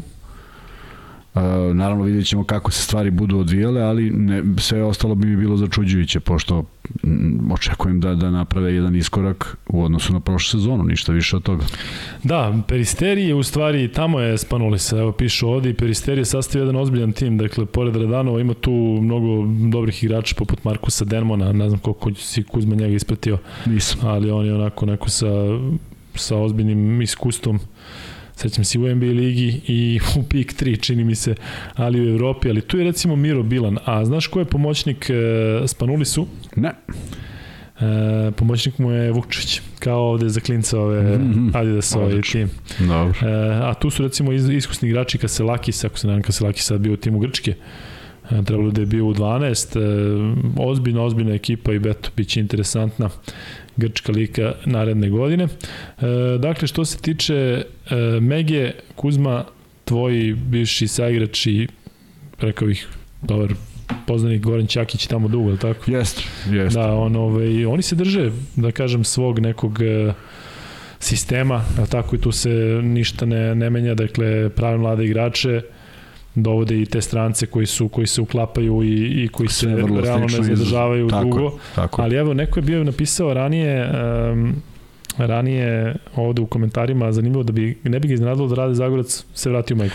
I to se dešavalo. Je, I bilo je mnogo igrača koji su... to dobro, sećaš se da su i Veličković i Bobi se vraćali u Megu, bili tu kad i Jokić bio. Mm, Da, ne, ne mora svima da bude dobro, nekom Da. da. jeste, neko to doživi kao povratak u nešto Da. da, da ne može da se snađe i osjeća težinu što se vratio, a neko je to koristio, tako da nisu svi baš eksplodirali posle tog povratka, ali je vrlo moguće da u, ako ne nađe klubu neko skorije vreme da to bude jedna destinacija da pokuša da se vrati. I sad kažem sva, ne, ne zna, nije svakom igraču isto da li je da li je tu gde je i, i, i da li će se e, prilagoditi tome i biti neko ko bi u ovom sastavu trebalo da bude glavni igrač, ali šta ako on ima opterećenje da bude glavni igrač koji je možda imao onda onda sve pada u vodu. Tako da vidjet ćemo, bit će interesantno jer e, imaju ono pravo da kako ne znam po, po, kako imaju pravo da registruju jednog igrača u nekom momentu, ali ima još desetak, 11 dana pa vidjet ćemo, možda bude nekih promena.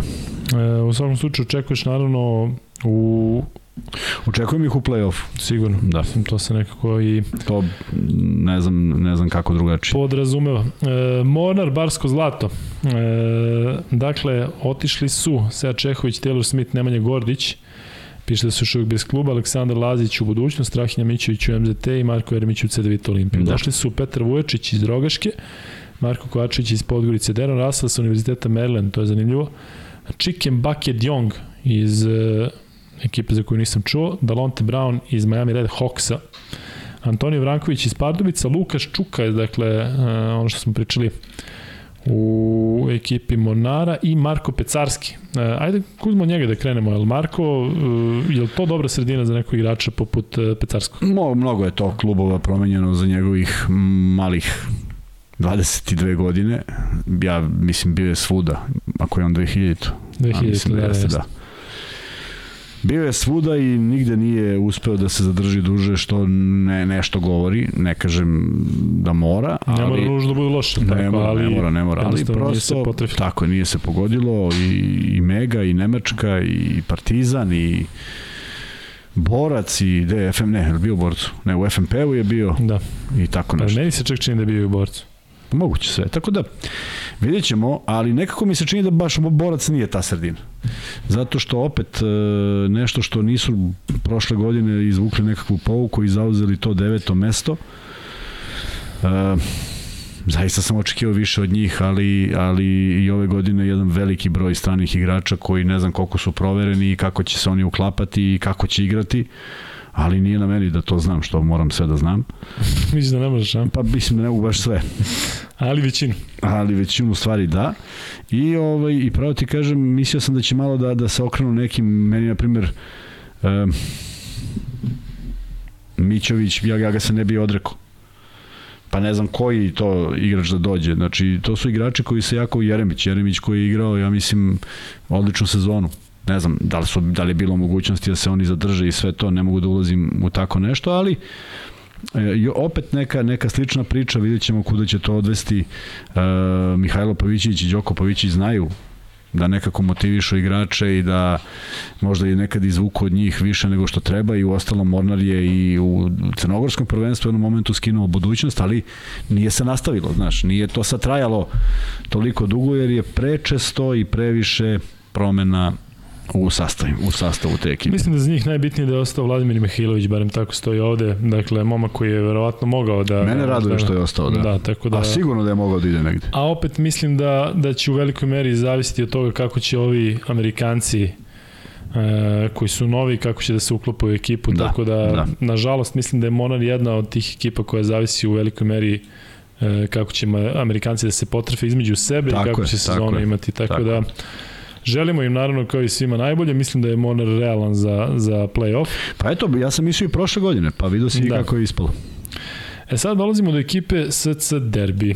E, tu e, znate da je e, Duško Jošević postao jedan od konsultanata, odnosno kako se već zove ta ta titula, ali neko ko će biti u klubu, koliko sam razumeo, on će imati istu ulogu kao što imao i u Klužu, dakle neko ko će nadgledati sve što se dešava. Đuro Ostojić je tamo generalni menadžer, znaš to, Kuzma? Igrao sam nisam znao, ja sam Đuro dio tim, nije igrao sam protiv njega, nisam igrao sa njim. Da. A bio je on u budućnosti kada smo, kada smo počinjali jednu sezonu, ali onda otišao dal Cetinje bar ili već nešto treće ne mogu se A se sećaš kakva je bila drama kada je 2003. Da, bio u reprezentaciji? Da, da, da, da. Koliko su to, dakle... Da. A meni to uopšte nije bila drama. Jer ljudi moraju da prihvate jednu stvar. Tada Pritom je bilo... on bio odličan u Partizanu. Odličan u Partizanu, neko, tako da. je. I, I pričao sam sa mnogo trenera iz tog perioda i rekao št, kako oni komentarišu i kažu svi do jednog, bar ovi s kojima sam ja razgovarao, Pa kaže, u nedostatku svih ostalih, znaš čoveka, znaš šta možda očekuješ od njega, znaš kako će se uklopi, znaš da može da ukapira Đura... Đura... Izvini, ono što si ti jednom rekao za Zagorca, šest pojena, četiri skoka, da, da znamo e, da je to to. To je Đura da. radio, a pritom Đura je čovek koji ima ozbiljno visoki koeficijent inteligencije, da. Niko, ništa nije radio na snagu ili na skok, to sigurno, pošto Đura nije skakao. Đura je sve to radio sa zemlje maestralno, pritom je odličan tip koji nikada nije um, u ratu sa trenerom ili bilo šta, prema tome, e, tolika se frka digla, a u suštini trebalo da se malo upre prstom u nekog drugog i onda smo to do, doživjeli kao potpuni poraz. Ja smo bili šesti. A, peti, tako, šesti. Peti ili šesti. Da, da. Ali da, to je onda posle za neke, da, za neke da. neuspehe bilo uhahaj kako dobar rezultat. Da, e, tako da biće zanimljivo kako će izgledati derbi. Kenan Kamenjaš i Alex Ilić su otišli u budućnost, Erik Neal je otišao, to je jedan od tih Amerikanaca, Justin Edwards i Erik Neal su otišli, oni su prošle godine, čini mi se jedan od njih, sad ne mogu setim ko, mislim da je Neal igrao jako dobro. Došao je Drežnik i Cibone, došao je Demir Dogan iz MZT-a, došao je Ilija Goranović iz Sutijski, došao Lauren Jackson iz uh, Roana. Um, I on će vjerojatno biti najniži playmaker koji je u ligi. Ko? Pa Lauren Jackson. 173 piše. Jesi to ti naš, jesi? To jesi znao ranije ili to vidiš ispred sebe? To je znao ranije, sad vidio kako se zove čovjek. Zato... Jao, i da, to je Malecki, jeste. Pa da. On je, gde on igrao? Da li trakicu ima ili onako se? Jeste, jeste. Lauren Jackson. Prenosio sam ga u nekom trenutku negde. Rođen u Chicago, 15. decembra. A za koga igrao? Da vidiš to? To znaš kao znam. da, da. Sad ćemo Igrao je za Charal de Rouen. A da igrao pre toga? University of Akron. Ništa pre, ništa između. Pa od 17. do 21. bio na univerzitetu. A Choral de Juan od 21. do 22. I sad... Ko je onda ovaj Malecki drugi, bre, igrao u, u Turskoj igrao? A nije u Turskoj igrao. Eto vidiš. Ovaj naš Malecki nije igrao u Turskoj. Dobro, vidit ćemo šta može Lauren Jackson. Sad me kopka kako se zove ovaj mali što je isto bre neki Jackson bio isto tako metar Jack Lawrence. e, da, pa vidjet ćemo šta može derbi. Opet, e, siguran sam da će dovesti još nekoga. Sada kada je došao Jošević, verovatno to daje neki poseban poseban uh, moment igračima da se eventualno koji su sarađivali sa Vujošićem vrate uh, da ponovo sarađuju sa njim sada iz uh, iz ove iz ovog ugla, ali dobro. E, prelazim na Split, koji je, čini mi se, takođe imao dosta problema i po ome, koliko vidim, otišlo je dosta igrača, došlo malo, vidjet ćemo. E, otišli su Žganec, Čampara, Bajo, Jones, Perasović i Perković, Toni Perković otišao u Orlean, a, a Žganec i Čampara u Zadar. Došli su iz Gorice Mate Kaleđić, Nikola Đogo koji je igrao na koleđu i Dominik Mavra iz Zadra koji je meni se čini i najveći pojačanje. Da. Ali, e, e, ekipa Splita ima Rokalani Ukića koji je tu, ima Kedža, ima te neke, ajde da kažem, stari Kajle. Roko Leni u najboljim godinama. Da, Roko Leni koji je 84. Ako je stvarno bio neverovatno yes, talent. Dakle, yes, yes. se čak i u jedno vreme kad je otišao u Toronto, čak i tamo ima neke utakmice da po, da pokaže da može da bude onako poseban, onako sav vižljast za pleja, čudan. Znaš da me je kupio Eto. pre nekih mesec dana? Šta da je? Kad je svirao, gde me je kupio potpuno? Zaborio sam sve što me nerviralo kod njega i ovaj, svira bubnjive i to svira Peppers fenomenalno. O, pa bat, da. da je tvrd neki Instagram, istorija. A kad nemaš Instagram, na story, na story, na story, na story, jeste.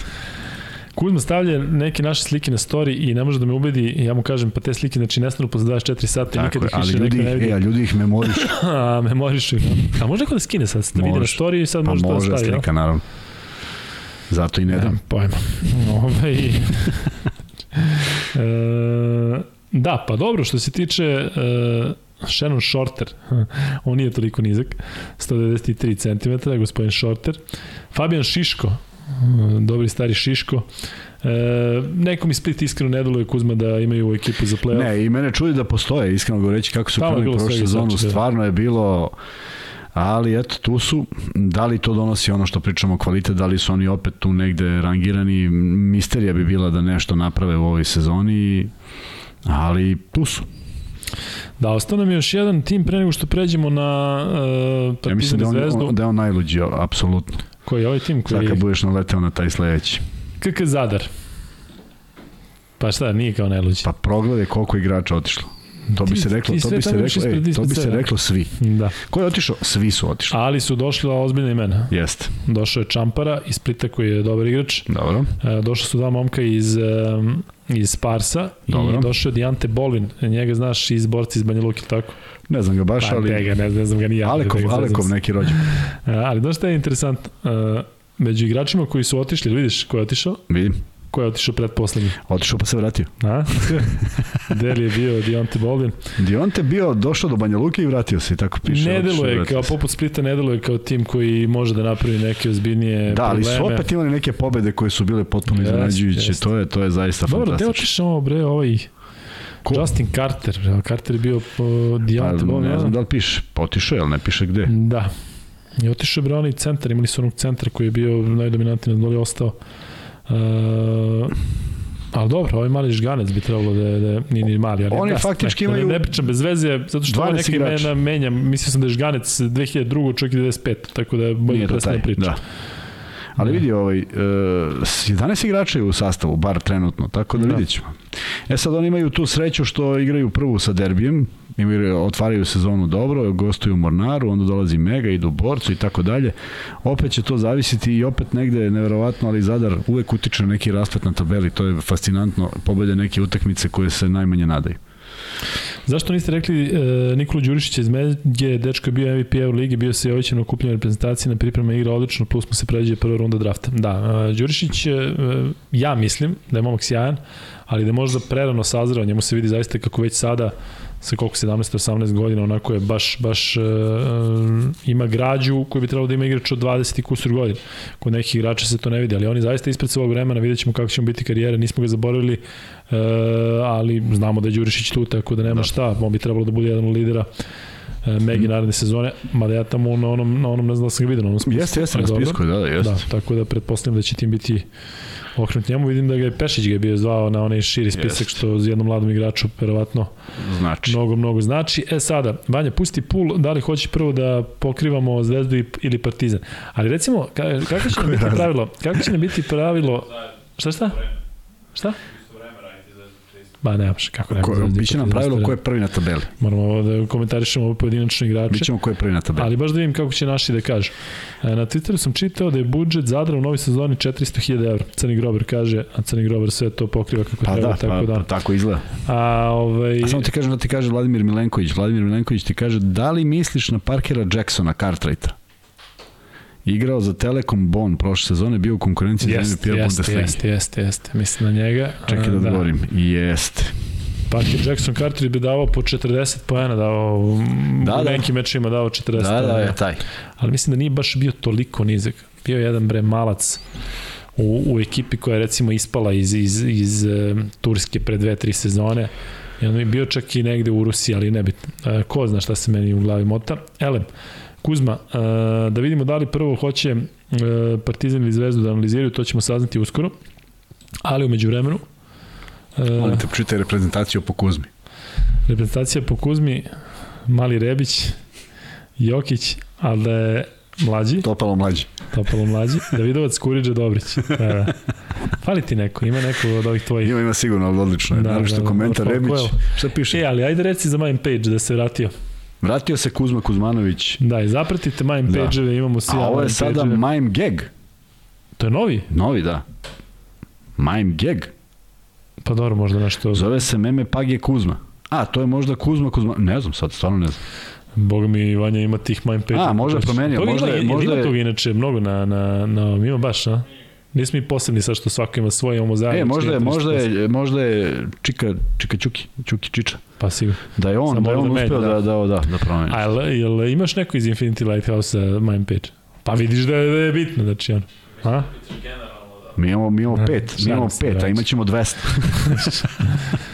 Uh, Jordan Crawford, ne, Jordan Crawford da znam, uh, Jordan Crawford Kako si rekao se zove, igra. Parker? Uh, ko? Ovo je što sam ti sad rekao. Parker, Cartwright.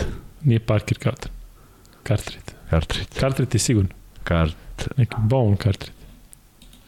Šta ga tražiš? Gde ćeš? A da vidiš koliko... Parker Cartwright. Dobro. Parker st- Parker Cartwright 1.80. 1.80. A ovaj Jordan 180. Crawford je stvarno niži, da, pa on prošle sezone igra u Turskoj i već nekoliko godina igra u Turskoj. Tako da ne mislim na njega. Bio je, bio je neki sa trakicom mali, 170. Sad ću vam reći, igra, Ali- čak može, ko igra, u- evo, setite se, ko igra u Cedeviti, a da je e, 175 visok? Ko se seti, svaka mu čast, nije još free bet, zato što ne znamo ni mi odgovor, ali dobro. E, kaže ovde, nemoj Luka još analizu večitih, dok ne bude hiljadu gledalaca. Dobro, pa polako, doći će. E, šta misliš Kuzma da, da ispucamo možda i neki free bet, a? Ajde, puci. Mm, Vanja, ti možda zatvoriš pul da vidimo šta ljudi kažu. Pul kaže prvo Partizan. Opa, bato, grobar i jači na, na ovom. Onda pre. Partizan, ako kažu, onda Partizan. Da, prvo ćemo Partizan, ali pre toga ćemo free bet da ispucamo. I Ispuci. bit će vrlo jednostavan. Ko je Novajlija u ABA ligi? Vrlo jednostavno, ko prvi uh, kaže, čekaj da se prebacim na live chat, da ne bude da... Nije ni Pierre Jackson, Pierre Jackson igra u Galatasaray. Vladimir Milenković ti kaže da, da smeje se i kaže Boatwright. Ne, ko je igrao u CDVT pre 6-7 sezona? Znači, ne, ne Pierre Jackson ovaj što je bio, dakle. E, E, to se lako nađe, upišeš ko igra u Marko Crnici. Skin moguće. Marko Skin. MZT kaže Petar Mitić. Iz kog filma je Petar Mitić? Ne znam. Pitaj ga. Petar, iz kog si film? Petar Mitić. Nije, Kako nema se prezivaju vadilo leto? Umri Cvetković, oni su Petar Cvetković. E, Petar Mitić je odgovorio prvi, dakle, Pero, šalješ na... E, Vanja, molim te proveri da li je Petar Mitić. Šta je? Vidite nam neko Ja, Ne napiše Vuk, kaznu. Vuk Grbić. Vuk Grbić je napisao MST. Da, MST. Šta ćemo sad? Pa ma sad to nije, nije tačno.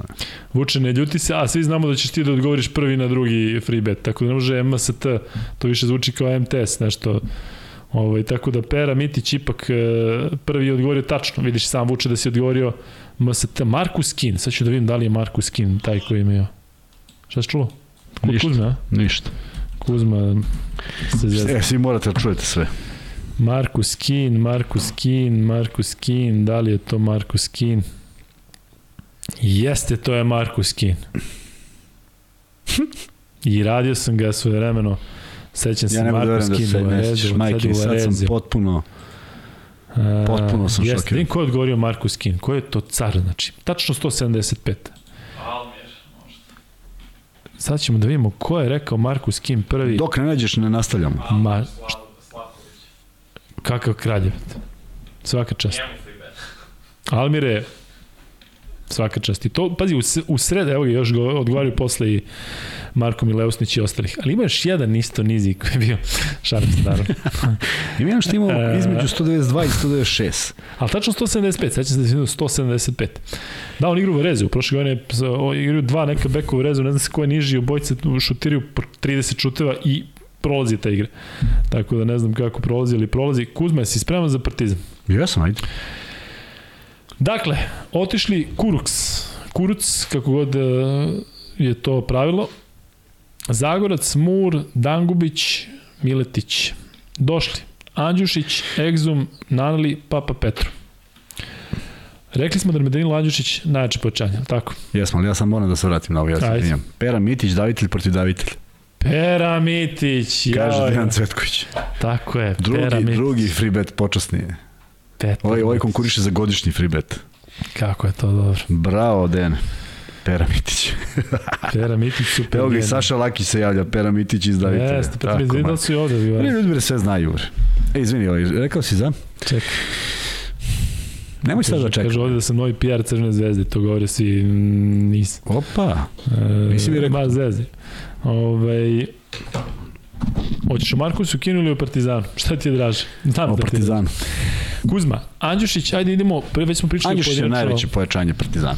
E, Egzum, Jesi me pitao za Andjušić? a jesi rekao si, mislio sam A. da si se tu zadržao. A, ne, nisam. A, ajde pričamo do Andjušić još. Zaista mislim da je odličan moment za njegov povratak. Mm, odlične sezone u Monaku, uopšte u Euroligi. Čak rekao bih neko koji u onim prozorima i ostavi najbolji utisak, uvek se odazivao, igrao maksimalno moguće i mm, kada pričamo o e, trendu koji se eto desio u nekoliko navrata u par poslednjih godina, taj povratak e, evroligaških igrača u Srbiju. Partizan mislim da je time napravio jednu odličnu stvar i da bi on trebalo nekako da bude glavni, glavni, jedan od glavnih igrača u ovoj sezoni da poveže sve ono što Partizan čeka uz još jednog igrača koji je vrlo interesantan, a to je Papa Petru, zato što mislim da je on apsolutno Ićemo tip igrača korak, da. koji, pa evo ja sad prelazim, Andjušića sam završio.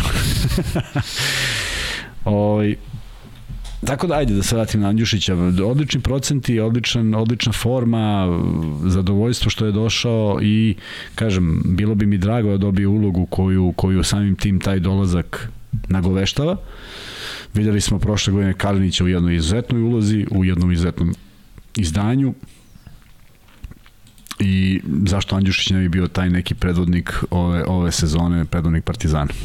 Papa Petru zaista deluje kao neko ko bi mogao da bude onako jedna sigurna, sigurna opcija, Da, neko da. koga nikada nisam video. Doduše, on kada je Panathinaikos igrao slabije, on je tu onako preuzima odgovornost, imao više šutova, ali deluje mi da, da recimo u reprezentaciji Grčke što sam video da je baš onako vojnik. Ja mislim da jeste igra- i mislim da je tu na dnevnoj bazi u Panathinaikosu igrao, Da. da. pošto verovatno nikad loptu ne bi dobio u nekom, u nekom odnosu. Prema tome, uh, igrač koji, koji i reprezentaciji služi kao neki oslonac, ne, nevezano za koju minutažu igra, ja govorim o, o čoveku koji tačno zna šta treba da radi na terenu i posvećen je timu.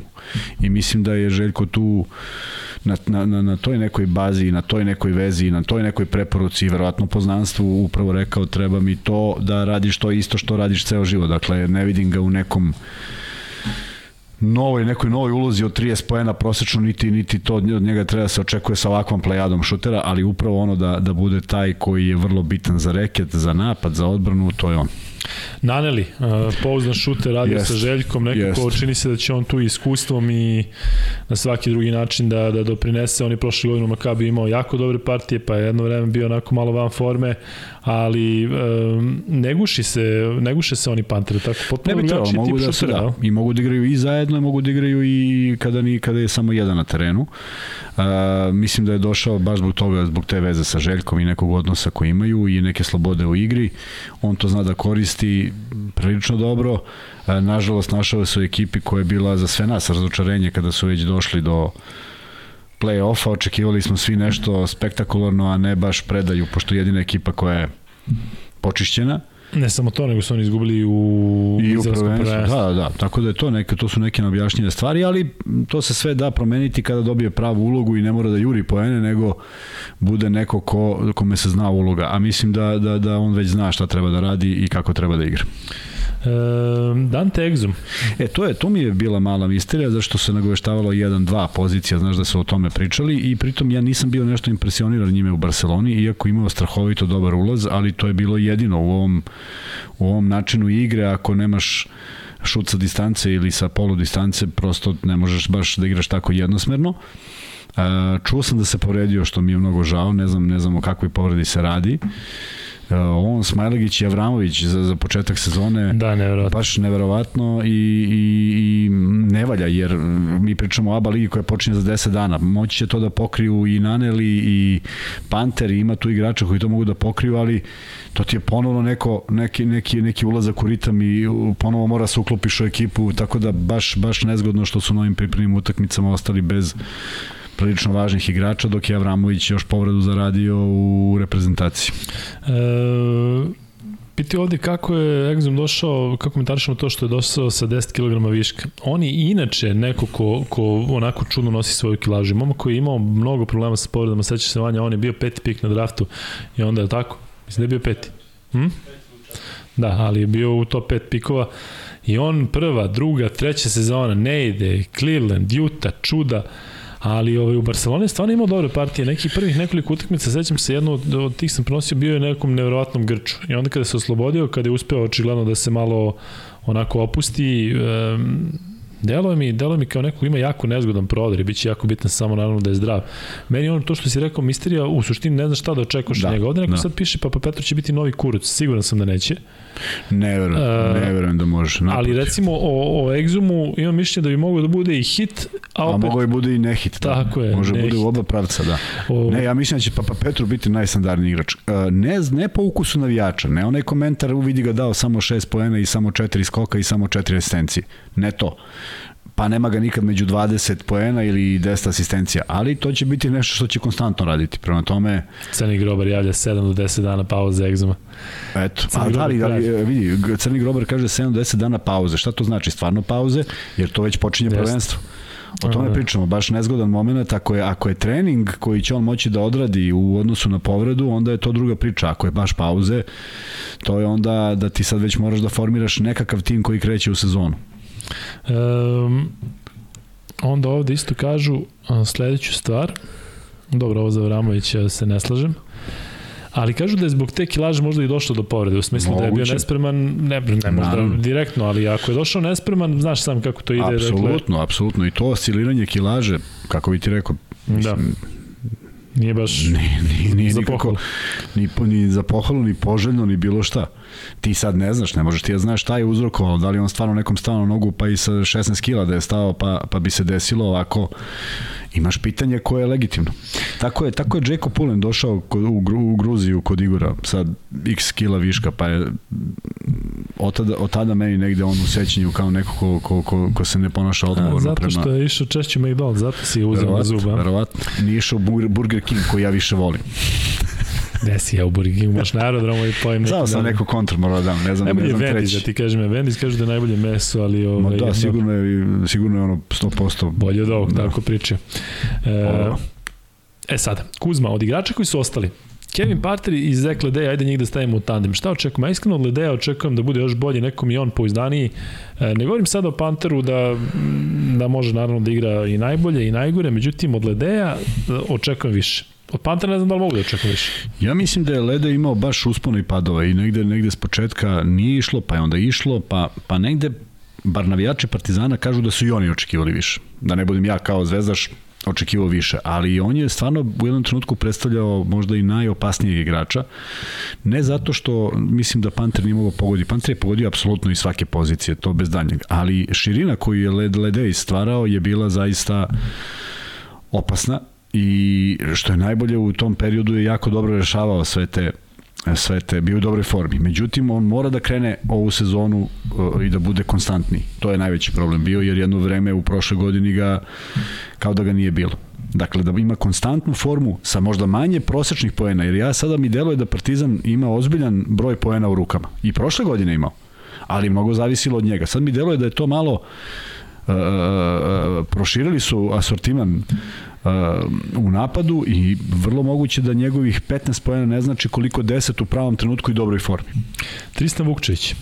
Tristan A, Calikis Vukčević. Calikis je krenuo dobro na onim pripremnim utakmicama, bar tu jednu koju sam video rezultat. E, moramo da shvatimo da i Partizan e, isprobava sve moguće opcije. I da Kuzme, vidi... izvini, neko je rekao da prokomentarišemo pripremne utakmice. Tu znate da se mnogo... Hoću, Pa da, ali e, samo da kažem, Partizan je pobedio slogu i izgubio od borca. Da. Pa izgubio od Fulna Brade, pa izgubio od Juventuda 30. Pa pobedio Barcelonu, pa onda pobedio na kraju Maresu i sve utakmice igrao na uglavnom veliki broj poena. Tako da ovo ne mora da bude nikako merilo. Ja se sećam one prošle sezone, Partizan izgubio Cibone negde u Hrvatskoj onda kad je došlo vreme ovde mesec, mesec dva kasnije Cibona došlo u Beograd stotka puče, dakle 40. Tu se vežbaju, timovi. tako je, tu se vežbaju neke stvari. Tu se nešto vežba šta može da prođe. Tu su neki zamisli koje shvatiš baš na toj utakmici da ne mogu da prođu i nikad više ne igraš, ali ta utakmica je potrošena za to. Tako da, rekao sam već u prethodnim ovim našim podcastima, te utakmice se nekad nisu snimale, nisu izgledale ništa spektakularno, prosto uigravaš nešto dok ne prođe, pa kad prođe shvatiš kako je prošlo, pa si onda na dobrom putu ili nisi na dobrom putu. Tako da,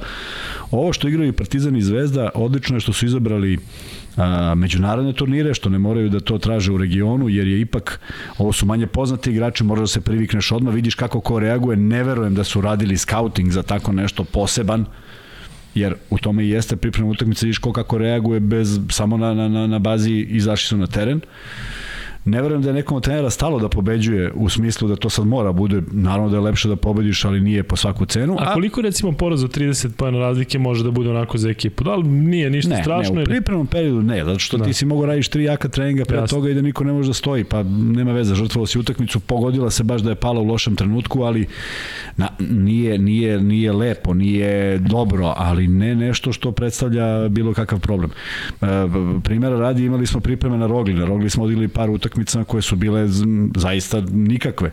E, bilo je tamo puno klubova pa se samo odigra jedna utakmica, onda se iđemo na turnir i to onda izgleda mnogo drugačije kad ti već imaš neku zvaničnu utakmicu, ali to je bilo za, za, za pred silazak, sam silazak i ulazak u sezonu, tako da sve te utakmice bi trebalo da budu bolje i mi sad treba gledamo utakmice koje će Partizan i Zvezda imati u ovih sedam dana, e tu već treba da bude nešto što se zove fizionomija ekipe i da bude ozbiljnija utakmica sa pobedom, ako je moguće, ako ne, nikom ništa. Kako raste u live-u kada krenemo da pričamo o Partizanu i Zvezdi, ali ne znam kako to je fizički moguće, da li neko ljudi ne zna? Osete, ljudi osete. Ili ovo ovom javi kao, e, ajde, uključi se sad, sad pričaju. Da. E, Kuzma, idemo dalje. E, Aleksa Vramović, ja mislim najiskrenije da je za ovog momka najbitnije da je zdrav. Jest, jest. I sve ostalo jest. I šteta će se valjda po, podesiti. Koliko god on ne bi bio u reprezentaciji neko na kome ti možeš da baziraš igru, jer je nepredvidiv, nepredvidiv je i za sebe i to smo pričali, ali to je jedna neverovatna energija. Ja mislim da bi on, da bi on oteo pet lopti u, u nekim fazama utakmice, pet bi izgubio verovatno, uh, otišao, otišao bi u šest kontri i prodao bi dve lopte. Sve on to uradi i njemu je samo bitno da ima malo veći fokus, zato što nesrazmerna je količina utrošene energije sa nekada sa njegovim učinkom. E to je ono što, što, što mora da radi na sebi. I u tom kontekstu kad sam, a setit će se pre svega navijači Partizana, kad sam rekao da mnogo komunicira s publikom, ja zaista želim da ga vidim ove godine u jednom izdanju gde je on fokusiran i kad da koš, a on se onda okrene, vidi da mu igrač i stane kod igrača i nek misli šta god hoće, potpuno sve ono šta on u tom trenutku misli. Ali deluje da je fokusiran na utakmicu, da ne prolaze neke akcije mimo njega. Igrač koga ja najviše očekujem ove sezone je Balša Koprivica. Da li vreme, dakle, momak koji je 2000, to nije, ni, nije toliko mlad, da kažeš sada, ne znam. Jeste, jeste, zato, znaš šta ću reći zašto jeste mlad? Zato što je do pre dve godine igrao košarkicu, ne košarku, nego košarkicu u Americi sa svojim vršnjacima koji su mu bili verovatno dovde. I tako je prolazio kroz te kampove, lige koje su, u kojem je bio dominantan i e, taj prvi susret u reprezentaciji Srbije 2017. sad on ima 5 godina, on je po prvi put osetio šta znači kad dođe reprezentacija Turske, da je najviši igrač 2 metra, i čovek u kontaktu ga odnese, doslovce ga odnese. Ja verujem da mu se to u tom uzrastu u Americi nije dešavalo. A ovo su bili igrači, što kažeš, on već formiran, znaš, on, on će tako da izgleda do kraja života. Da. I onda kad dođe u kontakt, on prosto ne zna šta se desilo. Međutim, taj, na, taj njegov napredak u odnosu na taj moment kad je on kročio na parket reprezentacije do prošle godine potpuno, potpuno ra, ogromna razlika. Ono što je Luka Mitrović pričao kada je bio ovde, da li je razlika među Evrokupa i Euroligi u stvari najviše u centrima, da je on sam govorio, u nije isto kada sam igrao sa... Pa, sigurno, pa da. sigurno, da. naravno, naravno. Ali ja mislim da će on dobro da se, da se snađe u celoj toj priči. I, tako I da će ga možda je, to i podići da budeš bolji. Apsolutno. Jer da ćeš bolji u kombinaciju da ti Željko bude trener, a da ti otac Slaviša koji je bio, šta je bio? Upravo to, samo bez nekog pritiska, ja Naravno. meni deluje da ga on ne osjeća, meni deluje da je on stvarno napredovao i vidjet ćemo već na početku kako to izgleda. Ali izvini, bi recimo sada odbrao da ti pre Balša bude petica startna ili Lesor koji ipak ima ne, iskustvo? Ne, bio bi mi Lesor, bio bi mi Lesor startna petica, Balša bi radio to što bi mi odgovaralo mm. i minutaži koje odgovaralo i u zavisnosti od Lesora i sve to, ali bi apsolutno bile utakmice u ovoj sezoni koje bih podredio tome. Dakle, ne bih vodio računa da bude 25 razlike, nego bih više voleo da da on stasava, a da to bude pozitivan rezultat, naravno ne možeš da stasavaš i da se gubi, onda ne stvaraš pobednički mentalitet, nego to mora da bude pobeda, ali i ako je teža, neka bude uz, uz, uz angažovanje dodatno jednog igrača takvog profila. Ja bih volao iskreno da su i Aleksa i Danilo i Balša u petorci, nekom i u ovom moru stranaca, to nekako deluje da, da, da bi bilo super. Sad dolazimo do ovog što je, ajde da kažem, i najaktuelnije, to je Alen Smajlagić, dakle dva meseca, ključna dva meseca, počinje sezona, opet počinje, njemu, i on posle treba da se vrati kada se već zahukta Euroliga i to delo onako A videli smo kako ga, kako ga je isekla ta povreda na polusezoni, nije, nije to bio više igrač sa, iz, pred, iz prvog dela sezone velika šteta zato što je on dečko koji se pa iskreno ti kažem mislim da je jedan od retkih koji se na, na, na prvu na prvu adaptirao na, na to da bude jedan od bitnijih igrača Partizana. Dakle on je došao, došao on iz NBA, ali on tamo nije imao utakmice, on je tamo imao treninge, takmičarski niko nije znao šta da očekuje. I mislim da je tu ulogu, ulogu jako dobro izneo. Ono što je bilo divno prošle godine, opet u razgovorima sa ljudima iz Partizana, sa navijačima Partizana, zato što su to više pratili od mene, kažu, svi oni kažu da je bio fantastičan raspored, to se pogodi jednom u 100 godina da imaš. Međutim, upravo je to pomoglo da ekipa raste i, i, i stiče samopouzdanje. Tako da se Smajlegiću sve poklopilo, a on je to vratio na izuzetno dobar način do momenta kada se nije povredio. Um, Znaš zašto mislim da je Smajlegić isto jako bitan ekipi? Pa strano to što Lesor ima, ima ta moćna zakucavanja i podiže atmosferu i voli da se loži i Aleksa Vramović isto igra sa takvom energijom koja ti kaže da nekada zna da bude i prek. Ali Smajlegić je imao neka kucanja prošle godine koja zaista podižu i tim i dvoranu i sve i zaista on to odredi fenomenalno atraktivno iz koraka, iz naskoka i e, zato bih voleo da je i on je recimo oni koji je podigao ono klinca da da koš ako se sećaš kada je ušao klinac u sred utakmice dakle momak koji, da, koji da. toliko toliko deluje onako Dobro čudno. Ma da, i dobro čudno, što ne znam da li je dobro za igrača koji je onakav za njega, ali dobro.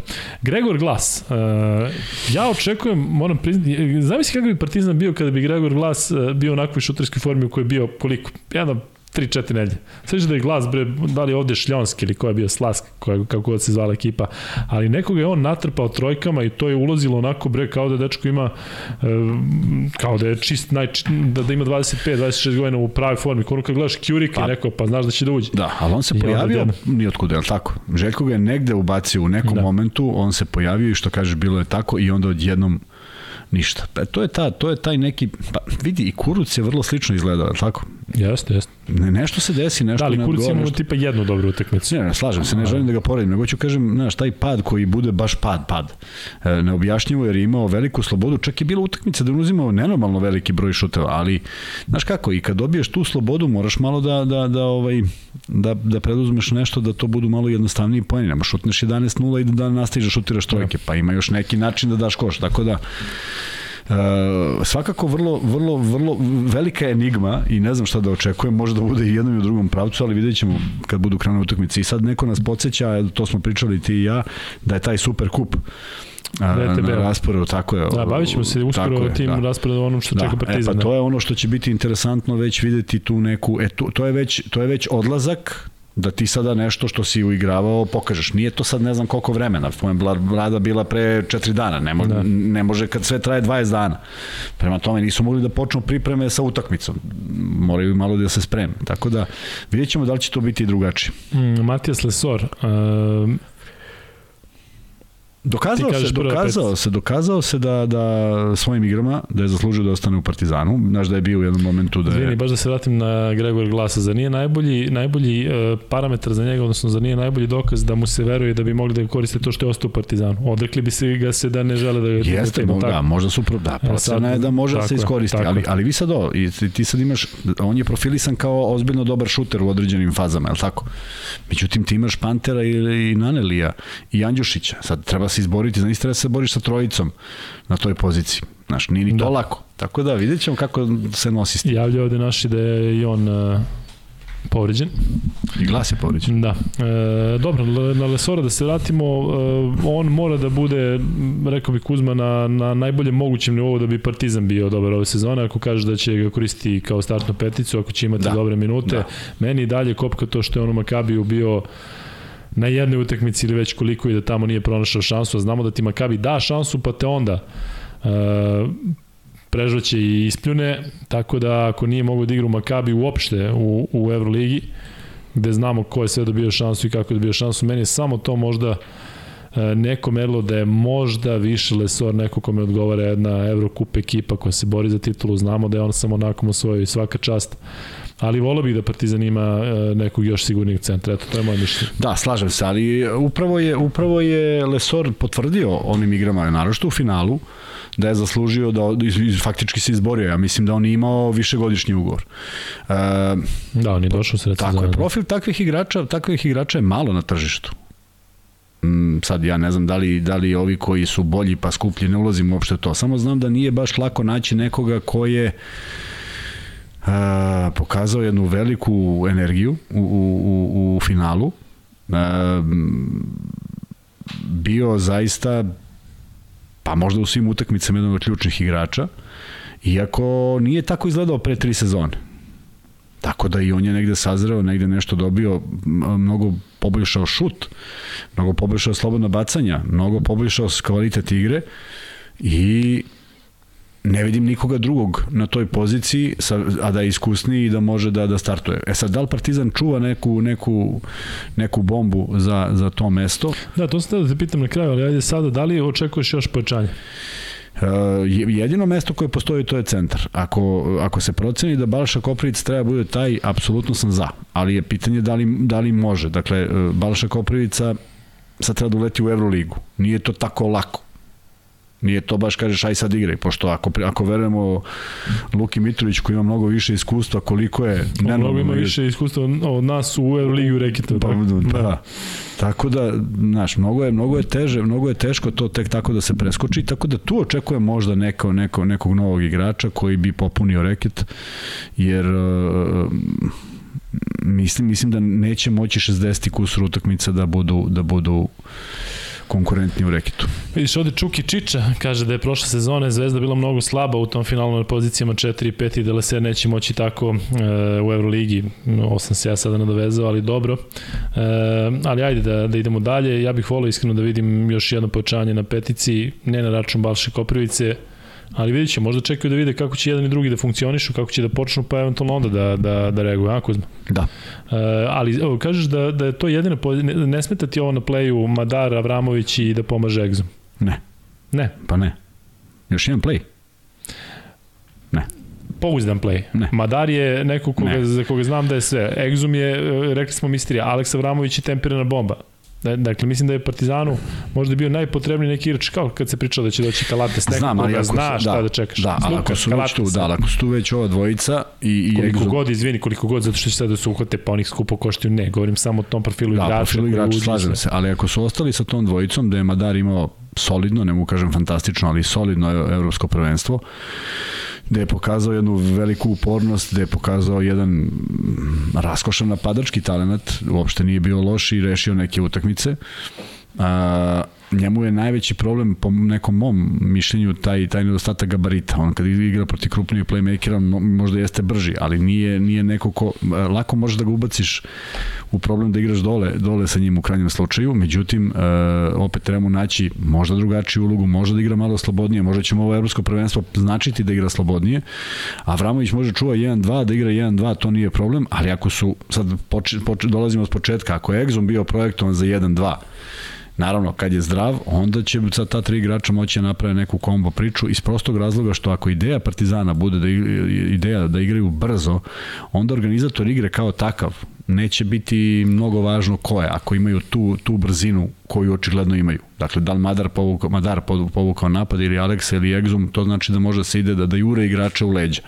Možda im neće trebati neko ko će baš biti klasičan playmaker, ajmo rogove pa malo levo-desno, ne znam, bolje znaju od mene kakav tim žele da sastave. Ali ovo ću ti reći, sada ću baš da onako da poentiram na, na, na vrlo jednostavno. Koliko Madar, Avramović i Egzum imaju zajedno utakmicu u Euroligi? Malo. Ovih Egzumovih 15-ak, 20-ak za Barcelonu. podeljeno na tri. Pa jeste, ali da. Da. to je, to je, ne, ne, vidi, e, Partizan je prošle godine napravio ogroman broj promena, pošto je bio primoran, Ja mislim da bi tih promena ove godine bilo manje, da su Dangubić i e, Zagorac odradili svoj deo posla, sigurno bi bili tu. Ovako se opet ide i sad tu možda se negde rizikuje. Možda je, možda je neki iz, možda je neka ideja proistekla iz toga je nemamo trojku kako smo mogli kako smo mislili da ćemo imati, jer da imamo tu trojku kako smo mislili da ćemo imati, onda bismo popunili playmakerom. Sad ja, razumeš, Da. razmišljam naglas, ne mogu da znam, ali e, mislim da su doveli veliki broj igrača, da ih već ima dosta, da svi imaju poprilično um, dobru energiju od prošle godine, a i sam, što sam kažeš, novi izazovi Euroliga, vidjet ćemo kako će to izgledati. Jako je bitno kako će oni funkcionisati između sebe. Tako je, Mislim pa to da je ja, to, to da, je to, tu to je nešto- cela ideja, tako je. Da. Dobro, e, ostaje još, otštalo su nam dva imena, Uroš Trifunović. E, prvo mislim da je najbitnije da se to momku zaboravi, da se oprosti, da se oprosti ono što je radio. Sećaš koliko se diglo zbog tog njegovog plaženja? Oj, da. Dakle, pa onda oni snimci kako on ide da se izvini. Pa, ali sam znaš koliko toga, a tek danas, u vreme kad citirao, koliko toga ima Tako i koliko je. se nekada Tako i ne vidi, pa je onda ispalo to, pa i Kalinić onda odgovara. Sve je bilo Tako da, ja bih baš volao da taj momak odgovori igrom na terenu ove Tako sezoni, da kaže, Tako e, tako evo sad, neću više da se plazim, Tako je, sad, ću, sad sam ozbiljno, e, sad se sad da ozbiljali. vidite, Upravo to. odnosno da ga to podigne, da njega to izbaci, da kaže, to. e, sad ćete da vidite. Upravo to i to je nešto što kada, kada smo imali ipak najspektakularniji derbi o prošle godine i čovek koji je dao 30 koliko 36 9 koliko je pojena dao. Da, tako. Sad zamisli da je sve to radio bez ikakve one trošenja tih gestikulacija s publikom. Pa to je, to je nešto što još šalje još jaču poruku. Ovako, ja verujem da je svima njima to jedno dobro iskustvo i da će ovu godinu igrati mirnije nego, nego, nego prošlo. E, javlja ovde Damir Bećirović hvala Damir. Informacija za Luku. Kasnije sam sa podcastom pa sam krenuo da ga slušam od početka. Cam Reynolds je u budućnosti igrao noć protiv Sutkiske, Sutiske, tako da je sve okej. Damire, ajde kad si već tu, hvala ti puno informacije. Samo nam piši kako je odigrao, zato što je meni zaista enigma da vidim kako će taj momak igrati. Mislim da će ili biti prvi strelac i e, budućnost jedan od najboljih u Evrokupu ili će ga se odreći na, na sred sezona. Neko mi deluje da će, da će biti negde između, ali pa i sad o, ovu priču. E, pošto naravno ljudi ovdje komentarišu, ali jako lepo komentarišu, tako da je ovaj, e, naš priču i sve, ali evo Milan 97 se šali, kaže da su odlasti Zagorca i Dangubić računaju kao pojačanje, zato što su momci igrali loše, ali e, slušaj ovo, pošto je gotovo evropsko prvenstvo, svi selektori Srbije su postali treneri Zvezdi i Partizana, pa će kad dođu prozori ponovo da postanu selektori. Da, odlična je fora. Dobro, Da, dobro. ali stvarno, ljudi, ljudi vi ovde, mm, ne, ja kad god negde zapnem, aha, ko je to, a ko je igrao, ko je ovde ispravljati, to tako lepo, da ne, ne možete veriti kako uživanje pričati ovde sa Kuzmom, sa vama i sa Vanjom. Vanja nam je nešto posljednje vreme ti kako se ne priča NBA ligi. Zamislio se nešto. I neće nešto mikrofon da hvata, a ovde je stalno pričate da se hvata za mikrofon, ali dobro, možda otpeva nešto kasnije, vidjet ćemo. E, Kuzma, ostao nam je još Jamadar. E, njegova igra za Izrael i to prilično dobra igra u grupi, iako je Izrael ispao E, naravno mogu da budu dobar znak. Sećaš se da je on u jednom trenutku preuzeo čak e, od Avdije, što se je očekivalo ako neko da, treba da, da bude. Da, da. E, ali on je imao jedan meč sa 30 poena, pa se yes. da igra sa energijom, pa je imao neke, on, on, ono što se u njegu očekuje da recimo tri vezana napada, u, ukradena, koš, trojka, teri trena na time out, jel očekujemo njega u Partizanu mnogo bolju sezonu nego prošle. Da, da on bude, da on bude neko ko tom svom igrom stvori poverenje trener, trener. Prosto tako je. Dakle, kao najodgovorniji igrač, a oni jesu po vokaciji najodgovorniji, redko kad je pogled trenera i u prošlosti i danas uperen u centar. Dakle, ima ona, kod tebe je lopta, ako ne vidiš, do, ako ne možeš da je dodaš, nemoj da je bacaš, nema, nije sad on dužan da je hvata tamo ispod koša, tako da sve polazi od njih i Željko kao playmaker, čovjek koji igra na istoj poziciji, zna tačno da hoće taj fokus koji na, nažalost zbog velikog izazova i zbog činjenice da su možda ih hteli više ni Avramović ni Madar nisu pustili u kontinuitetu ali bilo je neverovatnih partija sad treba to pokušati da bude e, ne mora da bude neverovatna, da bude konstantna i to je onda nešto što donosi poverenje trenera i bolju igru. E, da, toliko što se tiče Partizana, s tim što ćemo sada naravno da prođemo i njihov ovaj raspored koji ih čeka već narednih dana, a i e, Free bet ćemo da ispucamo o, o Partizanu, neka bude free bet ili imaš ti Kuzma već nešto spremljeno? Ne, ništa. Moram ponovo se aktiviramo ovaj, u tom ovaj, smislu. Free bet je sledeći. Nabrojite tri pojačanja Partizana tokom ovog leta, odnosno pred ovu sezonu. Dakle, tri na, e, pojačanja Partizana, ko nabroji tri, znate da ih ima više, tako da, eto, možete da, da dobijete free bet.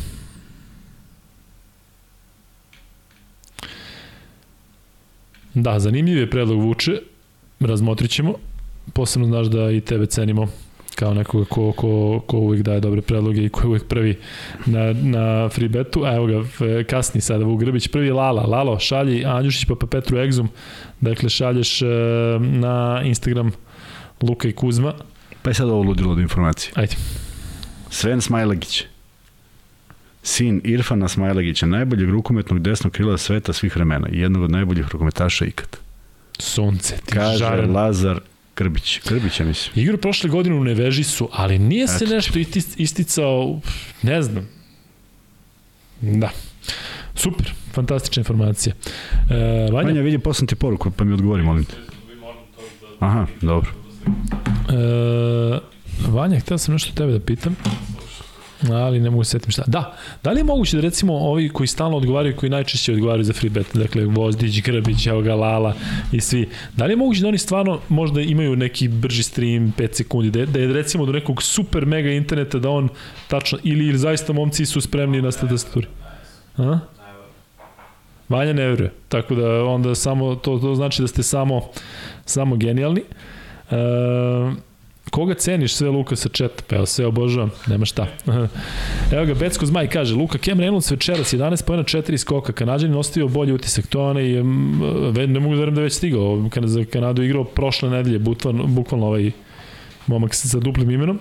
Jedan su se provukli protiv Sutjeske, dobili posle dva produžetka, sa druge strane Podgorica iznenadila Monar.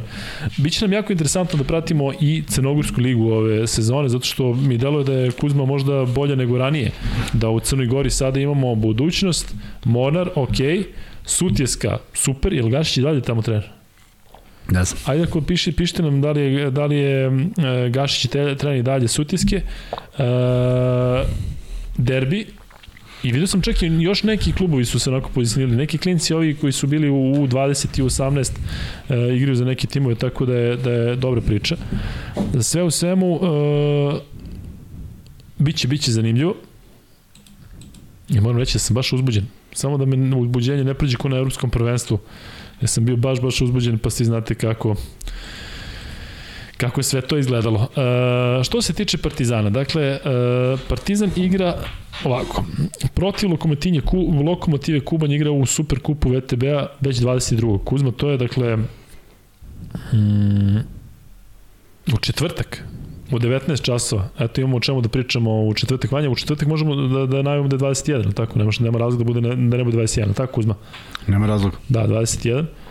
E, onda jedini ja brinem za podcast. Vanja na telefonu, Kuzma na telefonu, ali verovatno se dopisuju Pa između gledam šta sebe, da. pišu, pa jesam ti sad dao ja, informaciju o znači, oj, oj, I Smajlagiću. sad ja pitam nešto i kao važi. Ajde, Pa se sećaš, pa se sećaš kad si rekao ne znaš ko je Smajlagić. I, I sad da bi mogao da se odmoriš, da ne razmišljaš tome više, ja Evo, sad- nađem, sad sam odmor. pišem, pišem ljudi, molim vas, sam. pomozite. Ko, ko, Šta na story? Znate na li story, nešto? Pošto... hvala, hvala Kuzma. Rešili smo misteriju Svena Smajlagića. Partizan igra protiv Lokomotive Kubanj 22. i onda dana kasnije igra protiv Zenita. Vidim ovde da pišete da je RTL potpisao za Zenit.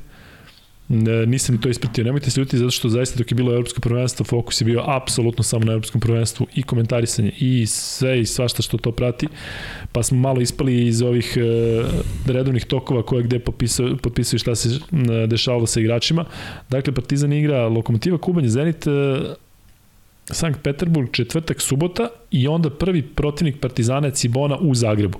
Kuzma, to bi trebalo da je dobro zato što je Cibona onako, ajde da kažem, sigurica za. Da, da, ne može, ne može da. da. kaže da će Cibona da iznenadi ovakva jedna ne bi kakva. trebalo nikako. Ništa ne podcenjam, samo kažem da je stanje tamo Slažem tako da... se ja. A prvi protivnik e, Partizana u Euroligi je Alba iz Berlina 7. oktobra u gostima. Sećaš kako je Zvezda prošla uh, Da, nikako nije Albe, ležalo, da. tako je. I neko deluje da ta Alba uvek neka, dobro, Zvezda je merlo, ali nekako ovaj, nezgodni su. Uopšte ovaj... Ma jesu, prosto Da. ekipa koja nikako ne leži zvezdi, vidjet ćemo kako će Partizan s Tako tim, je. pošto će, oni će slično igrati i negde, negde mislim da je to stil igre, ali ono što smo pričali za ekipe koje tako napadaju i tako znaju da brane, pa ćemo vidjeti koliko je Partizan uspeo da uradi i ofanzivno i defanzivno, ali ne sumnjam da imaju ozbiljan broj poena u svojim rukama i da će isto igrati na, na, na, na brži napad kao i prošle godine. Darko Vujočić i trener Sutijski, momci hvala. E, kažu da su i i Tomkins, taj tandem iz Real Madrida prošle godine, da su obojica otišli u Zenit. E, dobro, bit će interesantno da vidimo da RTL uopšte kako će igrati, zato što znate da je igrao sinoć čovjek u finalu. E, Ivan Vanja- Pejić kaže da je Gašić preuzeo slobodu iz Užica. Da, pa to smo isto ispratili, da samo zaborili. E... Nije Luka potpisao, dobio ultimatum od Francuskog saveza ugovor sa Zenitom ili Francuska na euro. Bravo, Grobare. Kakav je Grobar, crni Grobar, dakle, razvaljuje. Dobro. E, što se tiče dakle Partizana, znamo raspored. Evo ajde da odemo još korek dalje. Dakle Partizan posle tog gostovanja Albi prvi meč kod kuće u Euroligi igra i u Euroligi igra protiv Armanija i to tek 18. oktobra, pre toga gostuje Baskoni. A, prvi meč kod kuće u ABA ligi Partizan igra protiv studentskog centra Duška Vujoševića 16. oktobra. Tako da Partizan ima a, sledeći raspored. Pazi ovo, Pazite kako će, koliko će taj oktobar da bude uh, razvaljen mesec. Drugi oktobar Cibona, 7. Alba, 10. MZT, 14. Baskonija, 16. studentski centar, 18. Armani, 20. Virtus. Pa kako to? Pa lepo. Pa ne, ozbiljno ti kažem. 14. 16. Koliko je to 18. utakmica? 20. Koliko je to utakmica? Ma, 17? č- Ne, pusti, pusti utakmice. 4 za 8 dana. Pa da. I to protivnici Baskonija, Armani, Virtus. Laganica, laganica dalje. Da, ajde, ovaj, Biće vidjet teško, biće teško, ali to je to što donosi i, sa, i vraćamo se na početak priče, ono što su svi rekli da 66-33 je bilo za novi format takmičenja. Izračunaj sad koliki je to broj utakmica u ovakvom ritmu. Tako da biće jako teško, a, a se, a sezona se startuje sa, sa skraćenom rotacijom zbog tri igrača. I ja jedino što se nadam da Avramović nije trpeo zbog povrede šake u smislu treninga, da je on dovoljno trenirao i da je dovoljno spreman fizički, jer e, ipak je lakše trenirati sa povredom šake, pa makar i kondiciju nego bilo šta drugo. Piti ovdje kada delimo karte za Euroligu. Ne znam, da nisam znao da delim, ali ja dobra imamo? ideja, vidjet Niko ćemo. nam nije rekao da ih imamo. E, da li kapitan Partizana treba da bude domaći igrač? Naravno da treba. E, pa neko si podrazumeo. Ja mislim. Ali pritom je, da li je Vramović ili Andjušić jedino to. Vramović je prošle sezone, videli ste kako se nametno, Andjušić dolazi treći put u Partizan. Mislim da je to jedino, jedino što, što je što je pitanje. Ali dobro, e, Kuzma, vreme je da pređemo na Crvenu zvezdu i to će izgledati ovako. E, Zvezda je dovoljno više pojačanja od Partizana, barem onako kako kako piše ovde. Pa jest. Nekako piše, nego jest. Pa da, ali da uvek uzmemo sa onako Pa nije, ne, ne, stvarno, se, da, stvarno ima... Partizan 4, Zvezda 7. Da, Nemanja Nedović. Opet kažemo najbitnije da je zdrav. Li Tako? da. I to Jel je znamo isto... kako je stanje Nemanja Ne, Nedović? ne, ako ista Ajde vi, ako, povreda- ako, ste, ako ste već upućeni, pišite u kakvom je Neda stanju da, da znamo da li da se računa njegu, njega na početku, bar Euroligi, ako ne Aba Ligi. Šta kažeš? A, to je ista noga, to je ista povreda. Tu jedino što postoji bojazan da ne pređe u to nešto hronično. A, kad smo pričali o njegovom dolasku i kad smo ga upoređivali sa idejom koju Zvezda ima i odgovor Partizanu za Andjušića, onda je to nešto vrlo slično, da obojica mogu da preuzmu te uloge. Ali Andjušić nekako ima mnogo manje problema sa povredama i odigrao je sezone ozbiljan broj utakmica. Ja sam mu poredio ovaj, i Kalinića i Andjušića i Nedovića, ali bilo davno da bi mogao setim tačnih brojeva, međutim vrlo je lako uporedivo, pogledajte broj utakmica u poslednjih 6-7 sezona, jednog, drugog i trećeg i vidite da je Nedović ipak igrao najmanji broj utakmica, što je vjerojatno bila vjerojatno bilo prouzrokovano povredama. E, ako je zdrav, predstavlja ozbiljnu opasnost, naročito u napadu, naročito na način ko, koji deluje kao da igra onako na nekom terenu u kraju prosto sa, sa velikom lakoćom kada nije u svom elementu onda onda potpuno ga nema. I e, njemu će fizička sprema i zdravlje voditi ga kroz, kroz, kroz, kroz zvezdu i da li će se nametnuti da bude ono što je. Pišu da je zdrav, izvini da je bio na krštenju juče. Pa dobro, da li hoda, mislim da ne hoda nije, i da putuje u Grčku. putuje u Grčku? Da. pa dobro, daj Bože da odigra nešto zato što u, u Antali nije bio a oni su danas doputovali. Tako da, eto, od njega se očekuje da preuzme ono što je radio Kalinić, ne u sličnom maniru, pošto nisu isti igrači, nisu isti tip igrača, ali da bude neko ko je najstandardniji i neko ko ko vodi računa o ostatku ekipe, ne samo o nekom svom učinku. E, slušaj ovu informaciju. Nedović je viđen kako igra mali futbol sa rotacijom na voždovcu. U to, u to prilično sumnjam. Crni grobar ima I dobru šutira ideju. samo i šutira samo tom nogom. da, da, i pimpuje, pimpuje, sve vreme pimpuje.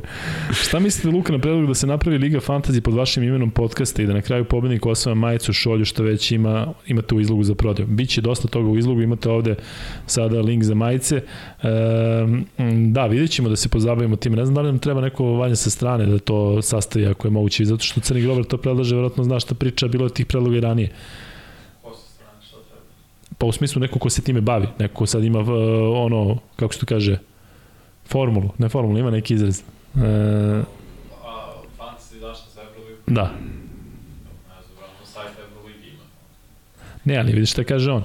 E, napravio da se napravi Liga Fantasy pod vašim imenom podcasta i da na kraju pobednik osva majicu, šolju ili šta već. Majicu, ne dao majicu.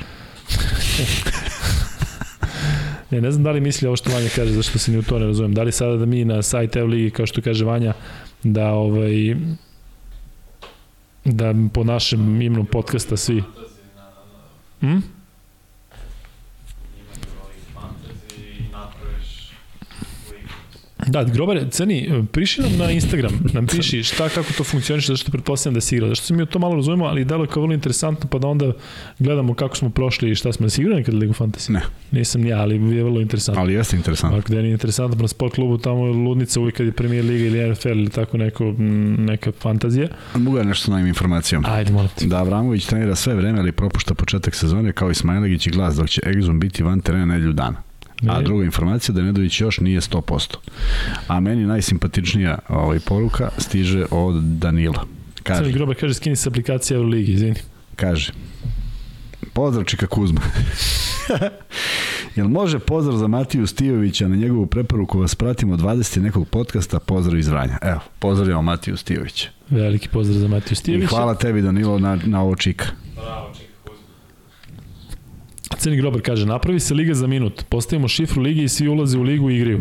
Iu. Crni, ako ti možeš to da preozmeš na sebe, ne ozbiljno, zato što ja i Kuzma, Kuzma ovo s Instagramom se bavi, ja još, Ne možete, morate vi da imate svoj tim. Naš tim da imamo.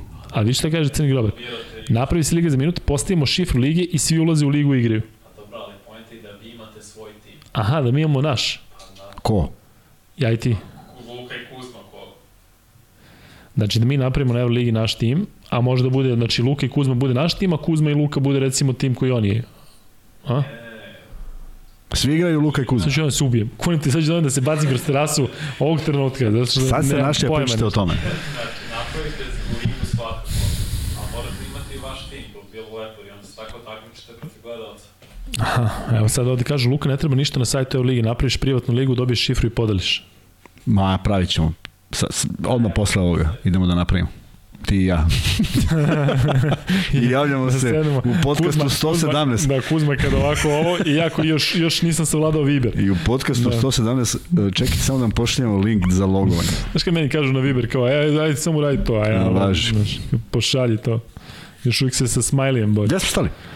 Stali smo kod Crvene zvezde, ali uh, tek Prošli smo počeli. Nedović, ali tako? Prošli smo Nedovića, da. Dobro. Uh, idemo sledeće pojačanje Hasan Martin. Si video nešto od njega ili igrao na ovim prije? Jest, jest, ali mnogo je bilo izmena i mnogo rotacija, nije to u odbrani izgledalo toliko loše. Je li jako onako kao što deluje Jest, što je bio Olimpijakos? jest, jest, imao je neka, neka fina rešenja, deluju da se dobro kreću i on i sad ajde uzmem sve i on i Bentel i Holland, E. to što sam gledao, još protok lopte nije, ali nije ni očekivati da bude... Su koliki su oni kad stanu jedan Pa jesu, da, da, da, da. E sad, tu, tu sad svako traži sebe. Nisam video Kuzmića koji je vjerojatno igrao u prvom polovremenu, malo sam vidio Luku Mitrovića, Dalibor Ilić je odigrao pristojno, pogodio par šuteva i sa distance, par puta samo vratio loptu u koš, ali što se tiče reketa i svih, svih statističkih parametara Zvezda je bila bolja, osim izgubljenih lopti, ali kažem, to je nešto što ne, na što ne treba obraćati pažnju. Pomenuo sam i Lazarevića, pomenuo sam i Stefana Markovića koji je mnogo drugačiji, mnogo brži, mnogo Doći ćemo pojedinačno do njih. A, jel, hoćemo, Bez dobro. brige, A da. sad smo došli do Sad Hasana Martina. Hasana Pa ništa, da. to je čovek koji je igrao u Olimpijakosu i imao zapaženu ulogu tamo, nije bio neko kod koga je zavisila igra, pa sad baš se bazira na njemu, ali vrlo upotrebljiv i vidjet ćemo kako će Jovanović da ga iskoristi. E, idemo dalje, John Holland.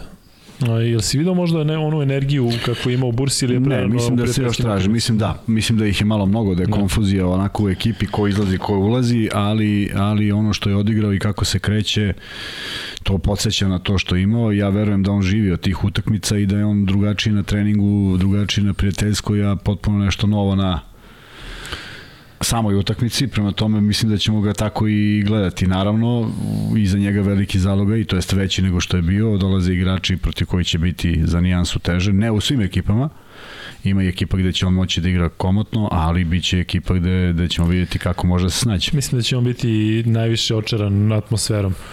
Pa Od da, svih ovih da, ali imaš, ne, imaš nekog koji je očaran pa, pa, pa ubije, a u, imaš da. neko koji je očaran Jeste. pa 7 dana, ne znam gde. I pitanje je šta misliš koliko je trojka protiv Partizana uticala na njegov dolazak u Zvezdu?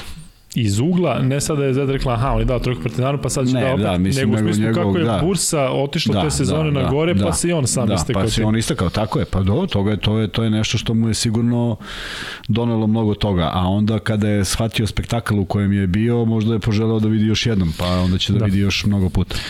E sad, Dalibor Ilić, šta si video?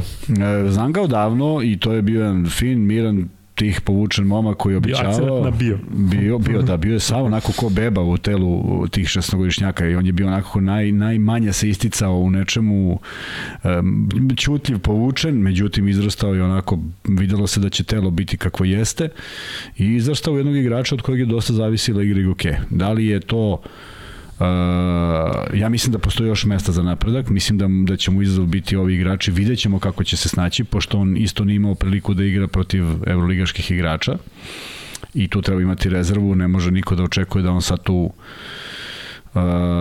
se osjeća kao svoj na svome, ali mislim da ima potencijal, mislim da ima dobar rezon i mislim da je igrač koji osjeća dobar deo odgovornosti i da je, podred, da je, da je u stanju da podredi svoju igru u ekipi, a ne da bude neko ko se zadovoljava svojim učinkom. Slušaj samo ovaj komentar koji sam ja u trenutku kad sam ga pročitao pogrešno shvatio. Zvezda ima ozbiljnu centarsku liniju. Martin, Petrušev i pa iz koje dalje? Kuzmić i Luka. Rekao je, znaš, zezaju se ljudi Mislio kao... znaš, mene i tebe, a? Da, uh, ajde kad smo već tu, uh, pa ćemo da se vratimo ovom. Vuk Grbić pita, Kuzma, šta misliš, da li će se ABA Liga ove sezone rešavati u derbijima ili će večiti zbog ustog rasporeda Euroligi imati veće šanse za kiks protiv manjih ekipa? Moguće, a? Mm, mm, koga je Zvezda kiksnula prošle godine, nešto baš je bilo mm, neočekivano? U Abi. Sećate da je bilo nešto kao... ja mislim da je njih baš i Gokea u drugom tako. kolu nagazilo Jeste, onako i baš ih... Uh, znaš kako, imaju imaju više igra sad govorimo potencijalno sastav imaju više igrača nego što što je potrebno mogu da kombinuju koliko je dobro kombinovati neka procene sami treneri ali neko će morati da se odmara u nekom momentu ali e, i u ovom sastavu i u bilo kom sastavu postoje ekipe, pa ni, ni prošle godine niko nije tipovao da će Jukeja tako lako da pobedi Zvezdu. Prosto nije. Ali se desilo. Prema tome, a, svaka od tih ekipa, a bit ih, spomenuli smo bar 3-4 koje će tražiti svoju šansu protiv Zvezde i Partizana, jer to je veliki izazov i oni žele da pokažu da novac nije sve i da oni mogu da konkurišu istim tim igračima. Koliko ti prije što smo se vratili ovim temama u odnosu na Evropsko prvenstvo? Koje, koje je Evropsko prvenstvo? prije, prije, osim što se uspavao. Vidi, bilo je, ja sam se uspavao, umoran sam. Bilo je mnogo, bilo je mnogo, bilo je, bilo je dosta napora da se ne ponavljamo, zato je ovo sad lakše ovde, šta god da yes, pričamo, yes, pričamo yes. unapred, a ne želim da budem dosadan, a ne želim da mi neko kaže pa to ste već rekli i tako dalje. Verujem da je bilo stvari, ali šta da radimo? Nije lako. Sad ja kapiram malo bolje neke neke pričice. Ovaj, elem, idemo dalje. Kuzme, si spreman da se razbudiš e, zbog Filipa Petruševa. Šta očekujemo od tog momka? Ja očekujem mnogo. Samo mislim da je jako bitno kako će početi sezonu, zato što je prošla sezona u Efesu počeo dobro.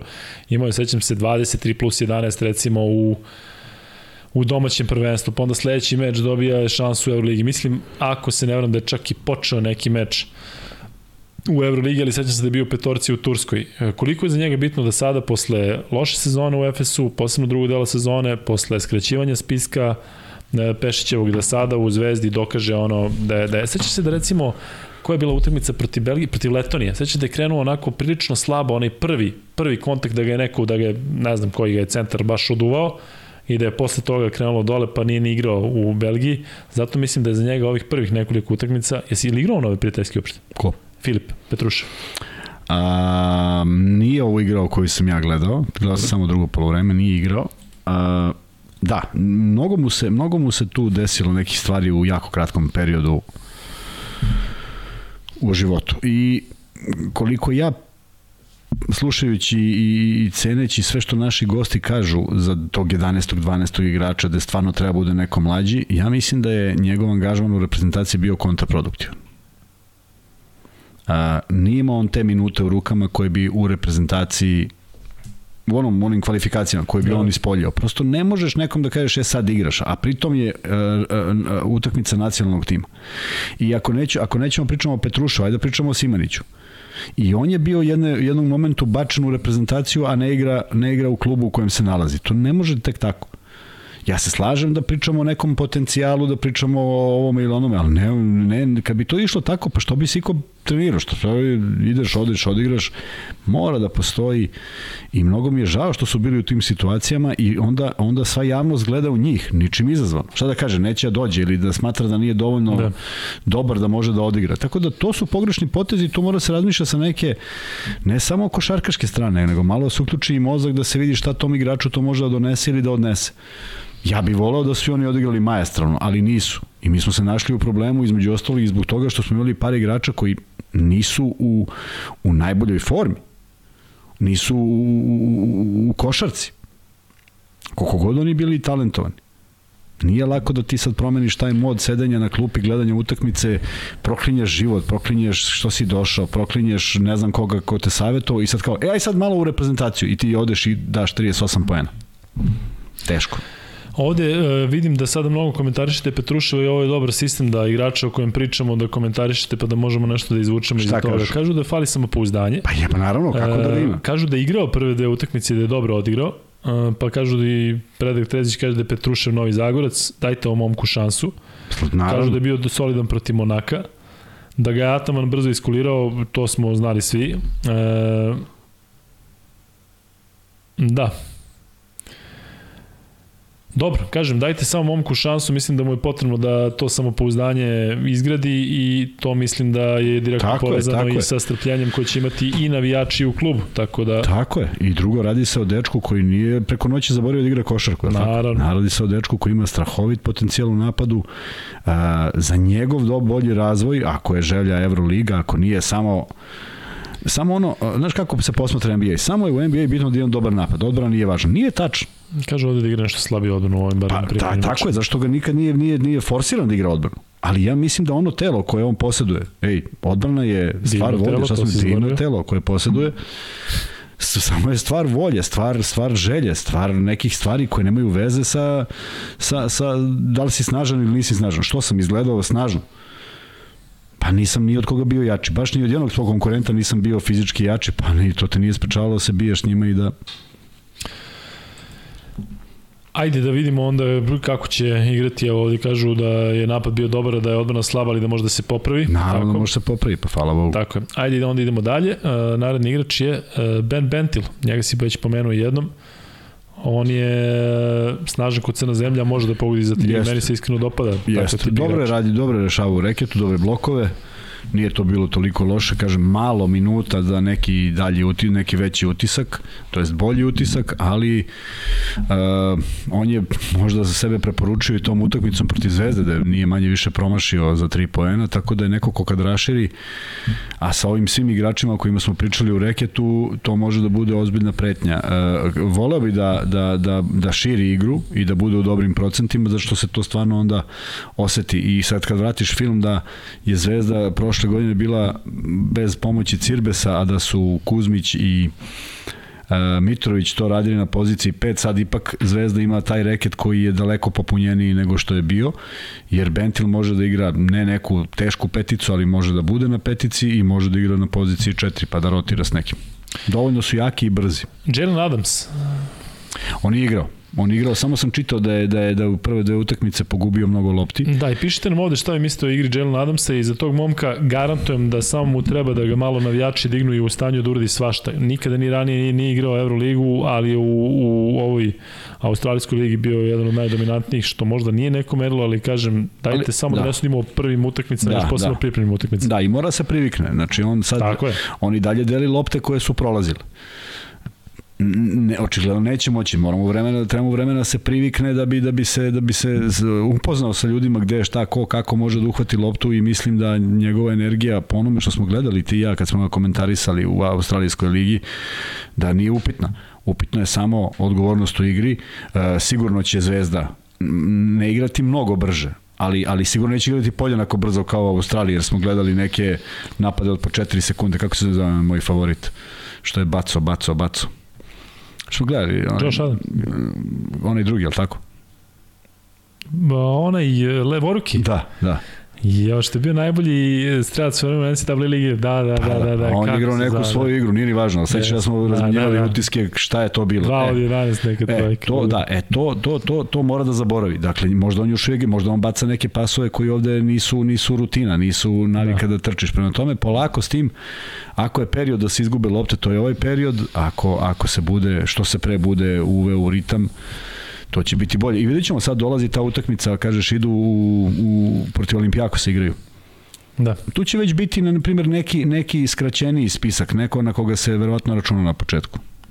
E, da, e, ovde pišu da je Adams Wilbekin za siromašne ili Mike James za siromašne. Verujte mi, momak nije ni približno taj tip da gleda samo koš, zato što je u stanju da da 30 poena, ali da ima 10 asistencija. Gledao sam ga i prenosio ga da je u ključnim trenucima, kada je recimo imao otvoren šut, da je dao, ko beš, nije Vasiljević, ne znam, dao je nekome za koga mislio da je u tom trenutku u boljoj poziciji, u boljem šuterskom ritmu i kažem, igra sa odličnom energijom i ovde vidim da pišete dobro u odbrani, ali e, ja očekujem od Adamsa dosta ove sezone i očekujem i da od Exuma dosta ove sezone, iako mi je rekao sam da je on enigma i od Balše Koprivice, to su oni igrači koji ću ja lično onako najviše i, i, i da pratim.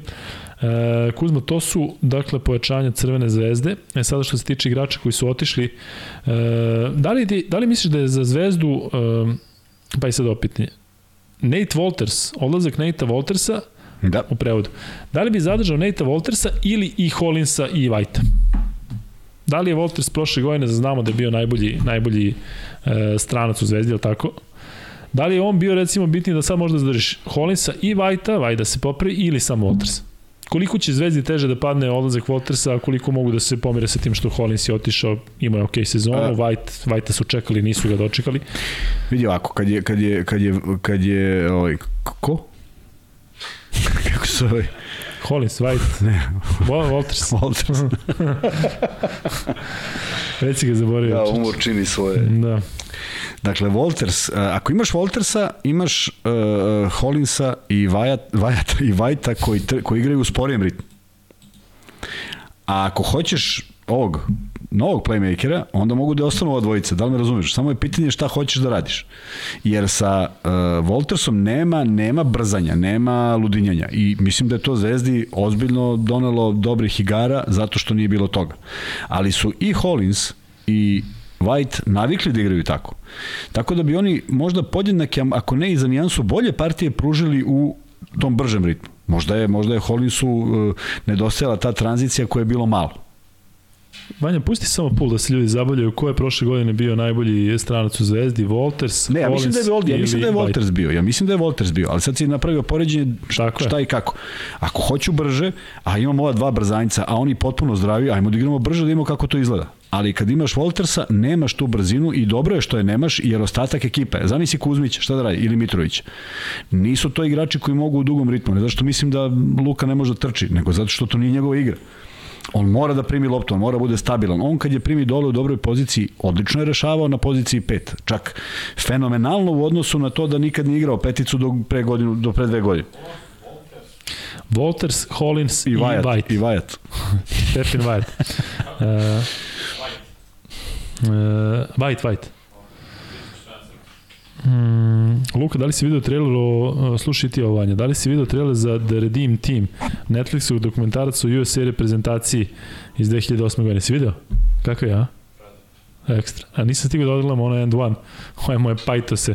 Taj dokumentarac, si odgledao to? Uh, sad je izašao, ili tipa izašao prošlog meseca.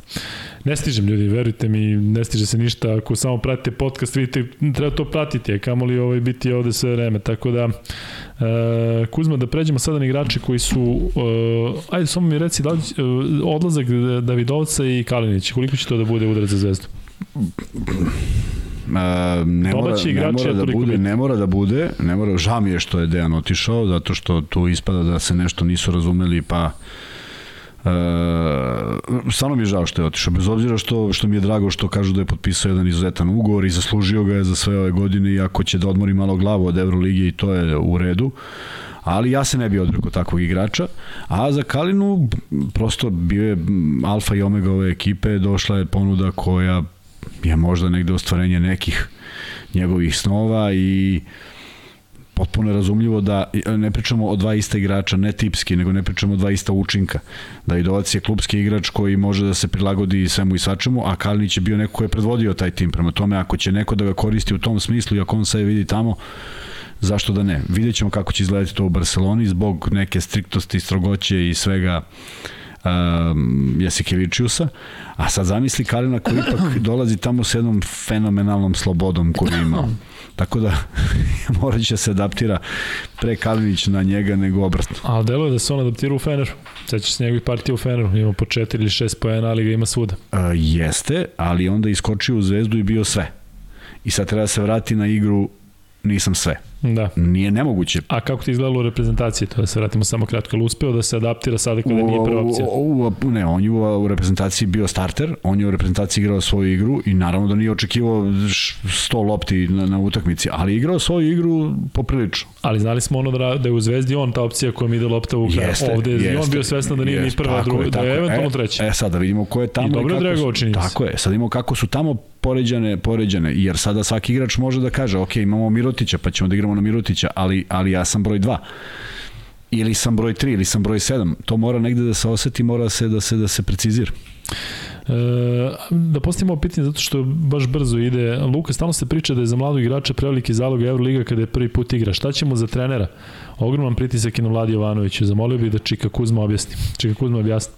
Čika Kuzma će da objasni to ovako Ajde. jeste ali prosto svedoci smo jednog koji je isto to uradio. Zar ne?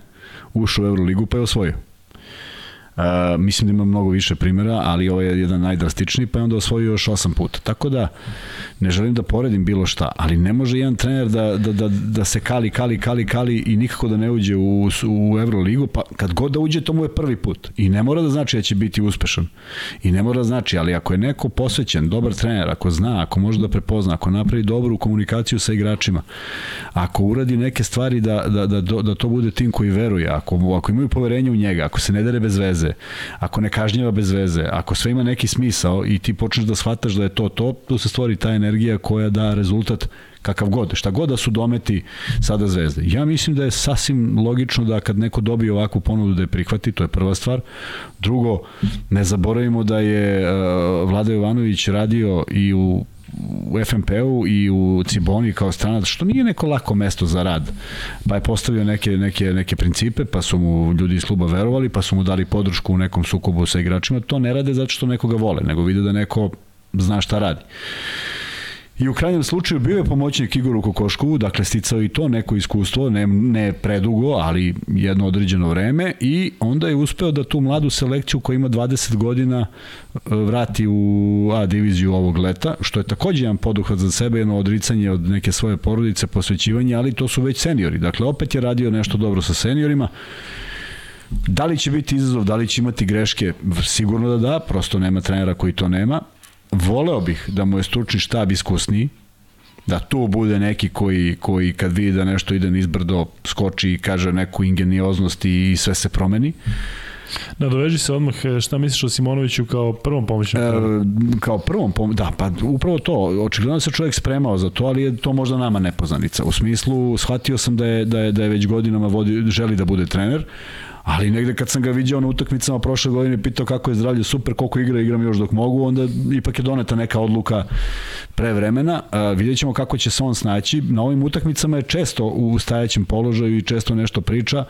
Ne treba sad ni preplitati se baš sa trenerom, dakle mora postoji neka doza ovaj respekta šta priča ovaj, šta priča onaj, ali vidim da ga zanima, vidim da je da je i dalje, možda on i dalje razmišlja kao igrač i to je sad veliki problem. Tu treba napraviti i taj neki odnos i neki balans. U svakom slučaju voleo bi da Vlada Jovanović ima tog nekog koji je staro kova da, da, da, da, da mu pomogne u nekim stvarima.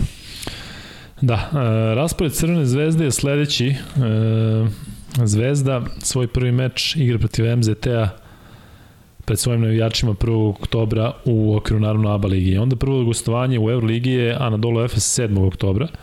Zatim Zvezda budućnost u ABI e, 10. oktobra, pa 13. Zvezda Panathinaikos ovde, dakle vraća se Radonjić 13. oktobra. Zatim gostovanje Cedevita Olimpiji 16. oktobra, pa onda 19. Baskonija Crvena zvezda i Real Madrid Crvena zvezda. Dakle, to je ono što smo, ja mislim, imali prošle sezone u dva dana, dva španska tima što se dešava. Da.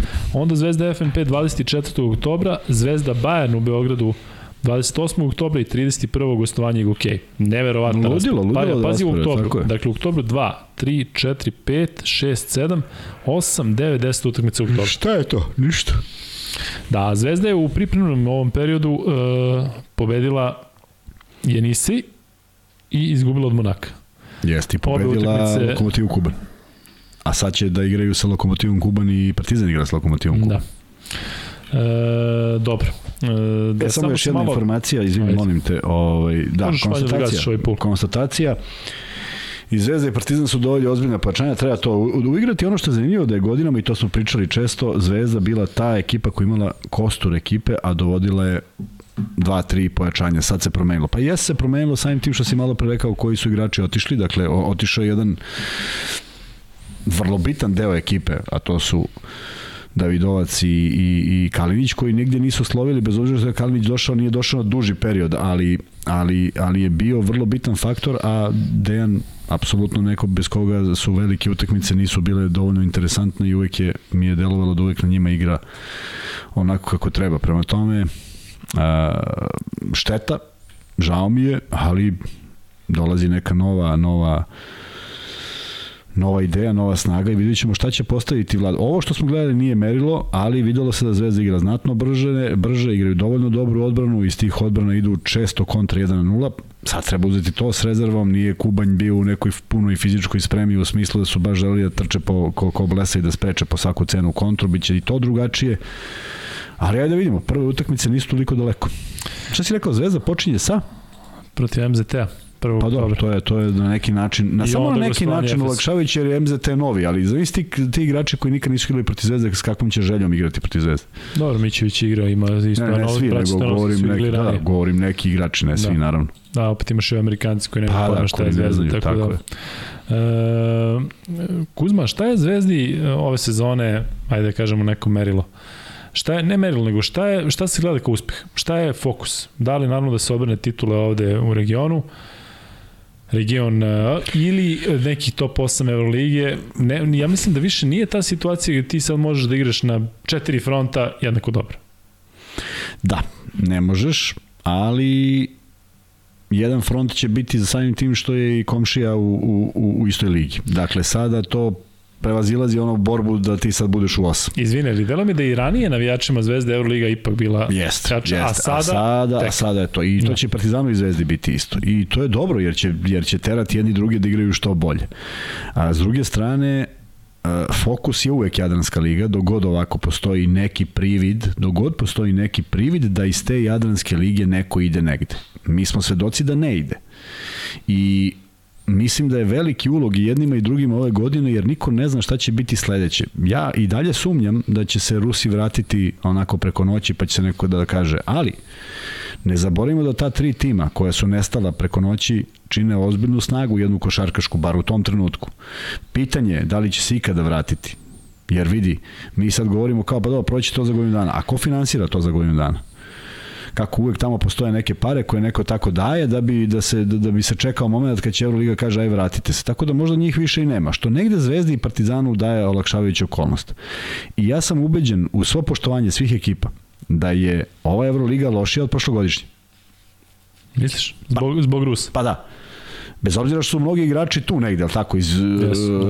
u Virtusu su u krajnjem slučaju, tako da, ali, ali otišla su, otišla je CSKA, nisu baš svi otišli i došli u Euroligu. Znači, svi ti igrači koji su negde nedostaju. Da, ali nije bilo što ja volim da kažem Kanta ekipa po, poput Himkija, nego su i Zenit i Unix bili preozbiljni i bili u top 8. E, to je to. Tako da, e, meni je super je što su ti igrači prešli negde, ali će opet ostati jedna plejada igrača u CSKA koji mogu da igraju Euroligu, u Zenitu koji mogu da igraju Euroligu i u ovom trećem klubu mogu da igraju Euroligu. Prema tome, šteta, ali sad to treba iskoristiti I sad je negde moment koji se poklapa, ponavljam, ne treba sada ni Partizan i Zvezda da jure Bodirogu po, po, po Barceloni da ga traže i da ga vuku za rukav, nego se otvara moment da se nek, neki korak napravi ka, ka tome što region želi. Čak možda ne region, koliko Srbije. Tako, da. tako mi deluje. Najviše mi želimo, najviše puta i učestvuju srpski klubovi. Prema tome, ajde da vidimo i, i ja, ono što bi ja želeo, naravno što bolje rezultati, ne po cenu da, da, da, da se sve žrtvuje, jer nema smisla ni to bez incidenata, što je vrlo bitno. Je li izvodljivo Pa, ja želim da verujem da može. A znači, u da praksi, svi... u realnosti? Pa, hajde vidjet ćemo. Da. Ajde vidjet ćemo. Pa u Euroligi ne sme da bude, ali pa, kapiram pa, da će pa, onda sve da se sluči pa, ovde nabuna pa, i te kasnije. Pa što ne, mislim šta ne sme, ne može i tamo bude svašta, nije to, ali velike su kazne. I to je ono što uvek ostaje nejasno. Da, a, velika i tenzija. Pa ćemo vidjeti. E, Kuzma, treba još da prođemo samo malo ove igrače koji su ostali u Crvenoj zvezdi i onda da ispucamo ovaj treći free bet i da završamo. Ajde, se slažeš? Ajde. Znam da i ti, Vanja, ste zreli za završavanje. Ja nisam, ja odmarao danas na sport klubu. Prvi, prvi yes. dan odmora posle dugo, tako da e, hvala vam ljudi za ovu podršku i nama i ovo što pričate da za Partizan oko komentarisanja, vidjet ćemo, još uvek ne znamo, polako, sada će se uskoro Kuzma, od igrača koji su ostali, piše ovde da je Stefan Lazarević neko ko bi možda mogao da zameni Kalinića. Da li je to preveliki zalog za Lazarevića? Preveliki, preveliki za Lazarevića. Treba, ne, ne treba očekuje se bolja sezona. Očekuje se standardnija sezona. Očekuje se da bude igrač koji će opet onu defanzivu odraditi. Prošle godine se žrtvovao mnogo puta pravio faulove za dobrobit ekipe. Mislim da od toga ne treba da odustane, ali mislim da i on sad steko steko samopouzdanje za neka rešavanja u napadu. Naime, mnogo se lakše diže na šut, ne razmišlja više šta sad kad lopta dođe. U reketu, u reketu prilično dobar. Mislim da počinje da, da koristi uh, iskustvo da vidi koga to može da ubaci pod koš i da lako poentira. Prošle godine dao veliki broj tih poena koje, koji su bili niči. Veliki broj skokova u napadu je vraćao u koš, što je vrlo bitno jer on ima tu želju da ode na skok, zna da se pozicionira. Prema tome, stvarno očekujemo od njega jednu, jednu mnogo zreliju uh, sezonu. Ne da li će sad to biti neki fas, fascinantan učinak u odnosu na prošlu, ne znam koji mu je prosek, ne, ali da to bude zrelija igra, da ti vidiš da je to pouzdan igrač koji, koji uh, ono što radi, radi dobro i ne pravi mnogo grešaka. I ne treba van toga ništa, dakle ne očekujemo da napravi dva rollinga desni pa levi kad ide na ulaz, nego jednostavno se stušti i da zakuca jer to može. E, ono što mislim da je Zvezdina jako dobra stvar i možda i prednost u odnosu na Partizan, oni su zadržali osam domaćih igrača, a u tih osam računam i da je, da je naravno Ivanović domaći i da je Topić neko ko bi možda mogao da dođe šansu zato što je ovde na rosteru, iako se očekuje da, da igra malo, odnosno da bude u Slodesu. Ali Luka Mitrović, da li treba očekivati njega sa istim zadacima sada kada je ipak došla ono masa U reket. Jeste došla masa, ali ti sa tog Bentila koji je možda i navikao da igra više s polja, možeš da koristiš ponovo sa Lukom Mitrovićem, ma kako to blesavo izgledalo, ali Bentil je neko ko može da pogodi. Kad vidiš njih dvojicu, pomisliš u startu da je Mitrović na poziciji 4. Međutim, pokazao je da se jako dobro uh, snalazi. Zašto se snalazi? Zato što je takav kak, kakva je građe i faktički on jeste četvorka, vrlo fleksibilan, zna da se odbije od čoveka da ode na neko desno levo polaganje sa jednim pivotom gde gabaritni i sporiji centri ne mogu da prate i to je bila njegova tajna. Pritom postao je igrač koji je kad je posle tog nekog kratkog otvaranja u reketu jako dobro distribu, distribu, distribuirao lopte. Ponekad je imao je čak i mogućnost da završi pa je on imao po inerciji pravio dobru asistenciju i, i, i treba ga zadržati na toj poziciji. Zato što će onda ako, ako ne, ako bude izašao na poziciju 4 njega će vući šut. Ne može sad on pored Bentila ili Martina u reketu da napravi A znamo da je imao problem prošle godine. A znamo da ima, tako je, penal. tako je, tako je. Prema tome ne treba, trebalo bi da igra ovo i, i čak i počeo i flotere, one sa polu horoge, ali sve jest, je to blizu jest, reketa, jest. sve je to kada nije guža u reketu, pa ako može tako nešto da se namesti, bit će mu mnogo zgodniji. E, Kuzma Tandem, Branko Lazić, Stefan Marković. Lazić koji je ono sinonim za zvezdu i Marković koji se vratio, koji je jako dobro odigrao i finale Kupa i finale ABE. E, da li očekujemo istog Lazića i još boljeg Markovića? Očekujem boljeg Markovića, očekujem istog Lazića, očekujem nešto kod njih što je malo drugačije od prethodnih sezona, a to je čak neko od Markovića. Videli smo da i svi znamo da Marković nije poznat kao neki težak i opasan šuter. Međutim, video si ono, onaj moment u kupu kada malo igrači ga pra, ovaj, jure ispod da. bloka, da. pa on uzima. Dakle, on nema problem da uzme. Ako uđe u seriju, to može da bude problem. Lazić je prestao da bude čovjek koji razmišlja da li da šutne. Od onog momenta, ja, ja ne verujem da on ima drugačiji odnos sa, sa Jovanovićem nego što je imao sa Radonjićem, prosto nema šanse. Znaju se toliko godina i On je baš kod Obradovića imao onaj... Tako je, ono blokadu kad nije gledao koš, a onda odjednom maltene 5-6 utakmica nije promašio trojku. Tako da, vrlo je bitno da oni u svojim igrama uzimaju šutevi, jer onda sa, sa 3-1 ti u četvrtom šutu teraš igrača da iđe na tebe. Ako nisi šutno ni jednom, onda će svi biti u reketu. Tako da, čak i kad su oni u igri, mislim da Zvezda može ove godine da profitira u smislu da će tu biti dovoljno prostora u reketu da da spuste koju loptu i jedino što što i zašto zašto volim Markovića zašto nije igrač koji će sa centra sa centralnog posta bacati lopte u reket jer prosto to su mu nekada branili pa još uvek to ne radi. Mnogo je lakše sa strane i lopta sigurnije stigne. Prema tome dovoljno veliko iskustvo sa sa Ivanovićem i sa ovim novim playmakerom potpuno onako atip, e, svi su, svi su na neki način različiti, a mislim da će Lazić svoju ulogu igrati besprekorno ono što se od njega traži čak i u napadu kad treba da se pogodi stvarno je kapitanski pogađao neke, neke poene. Je li vreme da Ognjen Dobrić bude jedan od dva najbolje igrača Zvezde? Ako ne najbolje, da možda bude druga opcija. Ja mislim, ja bih voleo da bude i mislim da bi mu u tome mnogo značilo da je otišao u reprezentaciju. Ovako sad on opet verovatno razmišlja da li je dovoljno dobar jer nije otišao i ko zna šta mu A je da li bi možda bilo gore da je otišao pa da je sedam na klupi?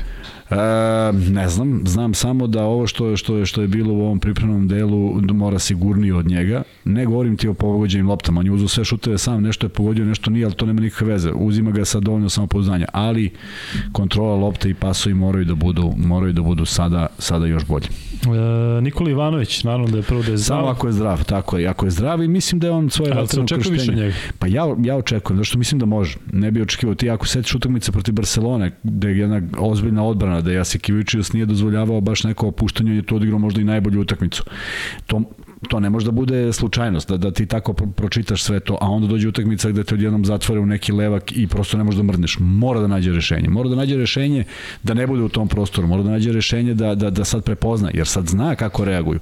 Ovo što Luka Mitrović kaže, igraš ABA ligu, pa onda znaš kako ćeš da napadneš, još uvijek ne znaš kako napadaš evroligaškog centra, a onda odigraš tri utakmice, pa sad znaš i njega kako napada. E, ovo mora bude godinu dana koje on proveo da nauči to i zaista mislim da treba da bude bolji. Ali da li je njegova uloga da opet bude backup sada Adamsu, kao što je prošle po godine bio Voltersu, ili ga možda treba govoriti da ima još neku zbiljnu ulogu? Duše, on je, sećaš se imao i utakmice da je imao i 25 plus minuta mislim koje da zaradi da ih, sve. Mislim da možda ih koristi čak i obojicu. Nema razloga da ih ne koristi. Da. Samo je zavisi kakva je igra, jer ako ćeš ti igrati sa njima dvojicom, onda to znači da ako lopta ode levo, ideš na levo, ako je desno, vuče ovaj na desno, ne moraš da ulaziš u neku novu kretnju, ideš, ideš da igraš brzo. Sve zavisi to kako će Zvezda hteti da igra. Pišite nam ako znate ovde uh, kako je kako stanje Ivanovićeve. Ivanović je promene. Pa u ekipi je, u ekipi je. Ja tako? Da, da, bio u ekipi, da. Super.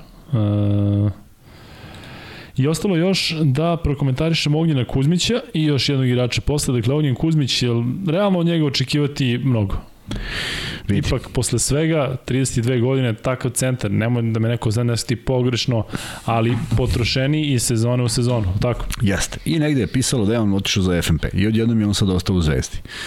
Za FNP, to zvuči kao da je otišao za Kanadu. Ne, ali već, već sam da. mislio da je gotovo i čak, čak je meni to i delovalo da, da sa, tom, sa tom ekipom oni imaju mnogo veliko iskustvo i mogu da napadnu ovu FIBA ligu šampiona bez problema. Ali on je sad u Zvezdi i ja i dalje tvrdim da nije bilo njega Zvezda ne bi imala približno takve rezultate prošle godine, jer je on odigrao, kako god sad nešto to zvučalo, odigrao je odličnu sezonu. Posebno na početku, ono. Posebno na početku držao je reket i, što je najvažnije, moramo da setimo kroz šta je čovjek prošao. Dakle, Tako da očekujemo nešto vrhunski, a znam da je proveo celo leto vežbajući, tako da svaka mu čast i ja mislim da je to jedan veliki napor koji je on dao.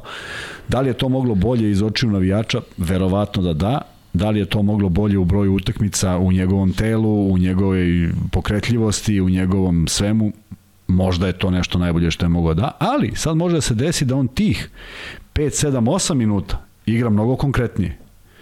Jer vidi, tih, tebe kad jure, da sam kažem neprijatelji, tebe kad protivnici jure u leđa, teško se snalaziš. I sad on treba da izrotira, ono presečena lopta, pa sad svi trče napred, pa stiže, trči Kuzmić. I ne zaboravi, par puta je zakucavao lopte iz polu kontri zvezdinih, jer je pratio. Dakle, Jest. a sad zamisli koliko je to kad uđeš na kontra, rekontra, pa tako 3-4 puta. Nije to lako za njegovo telo, ali može da se desi da kada Zvezda menja ritam igre, on bude taj igrač koji će davati neke sigurnije poene. a koliko tome, realno očekuješ da ima minutažu? Da li on igra sa 10 pa to, nemo, da to, ne, to, nemo, to, to moramo da vidimo prvu utakmicu, regularnu prvu utakmicu. Možda već Olimpijakos može da nagovesti nešto. Ja mislim da bi on, da možda čak i neće biti svuda uvek u 12, ali ako da. postoji neki igrač kojem on može da odgovori, da mu parira, vrlo bi bilo logično da bude. Sad će to se zavisi od Jovanovića i ne treba mu nešto sugerisati, mislim da zna šta radi.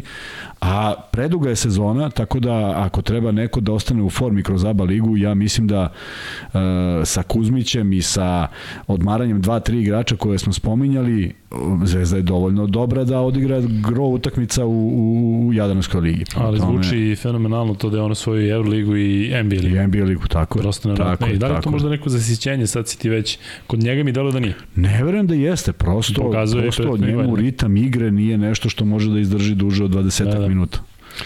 E, ostaje još da Nikola Topić. Da kažeš, dobro.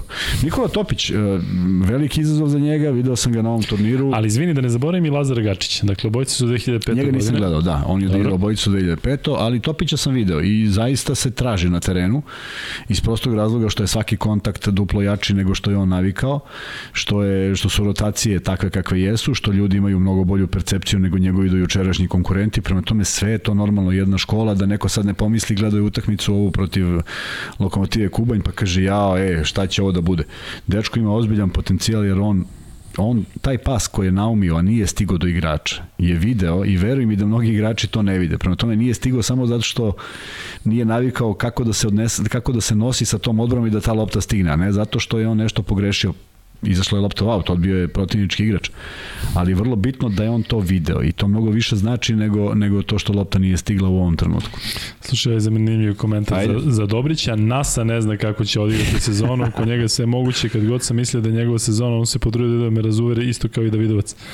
E, Davidovac. E, Dobro, vreme lagano da privodimo kraju, imamo da ispucamo još jedan uh, free bet, ajde neka free bet bude sledeći. Dakle, ove sezone, odnosno u, na Evropskom prvenstvu koje je završeno nedavno, uh, bila su dva igrača, jedan bivši igrač Zvezde koji je tokom leta otišao i jedan novi stari igrač Zvezde koji se vratio u Zvezdu. Koje su to dva igrača?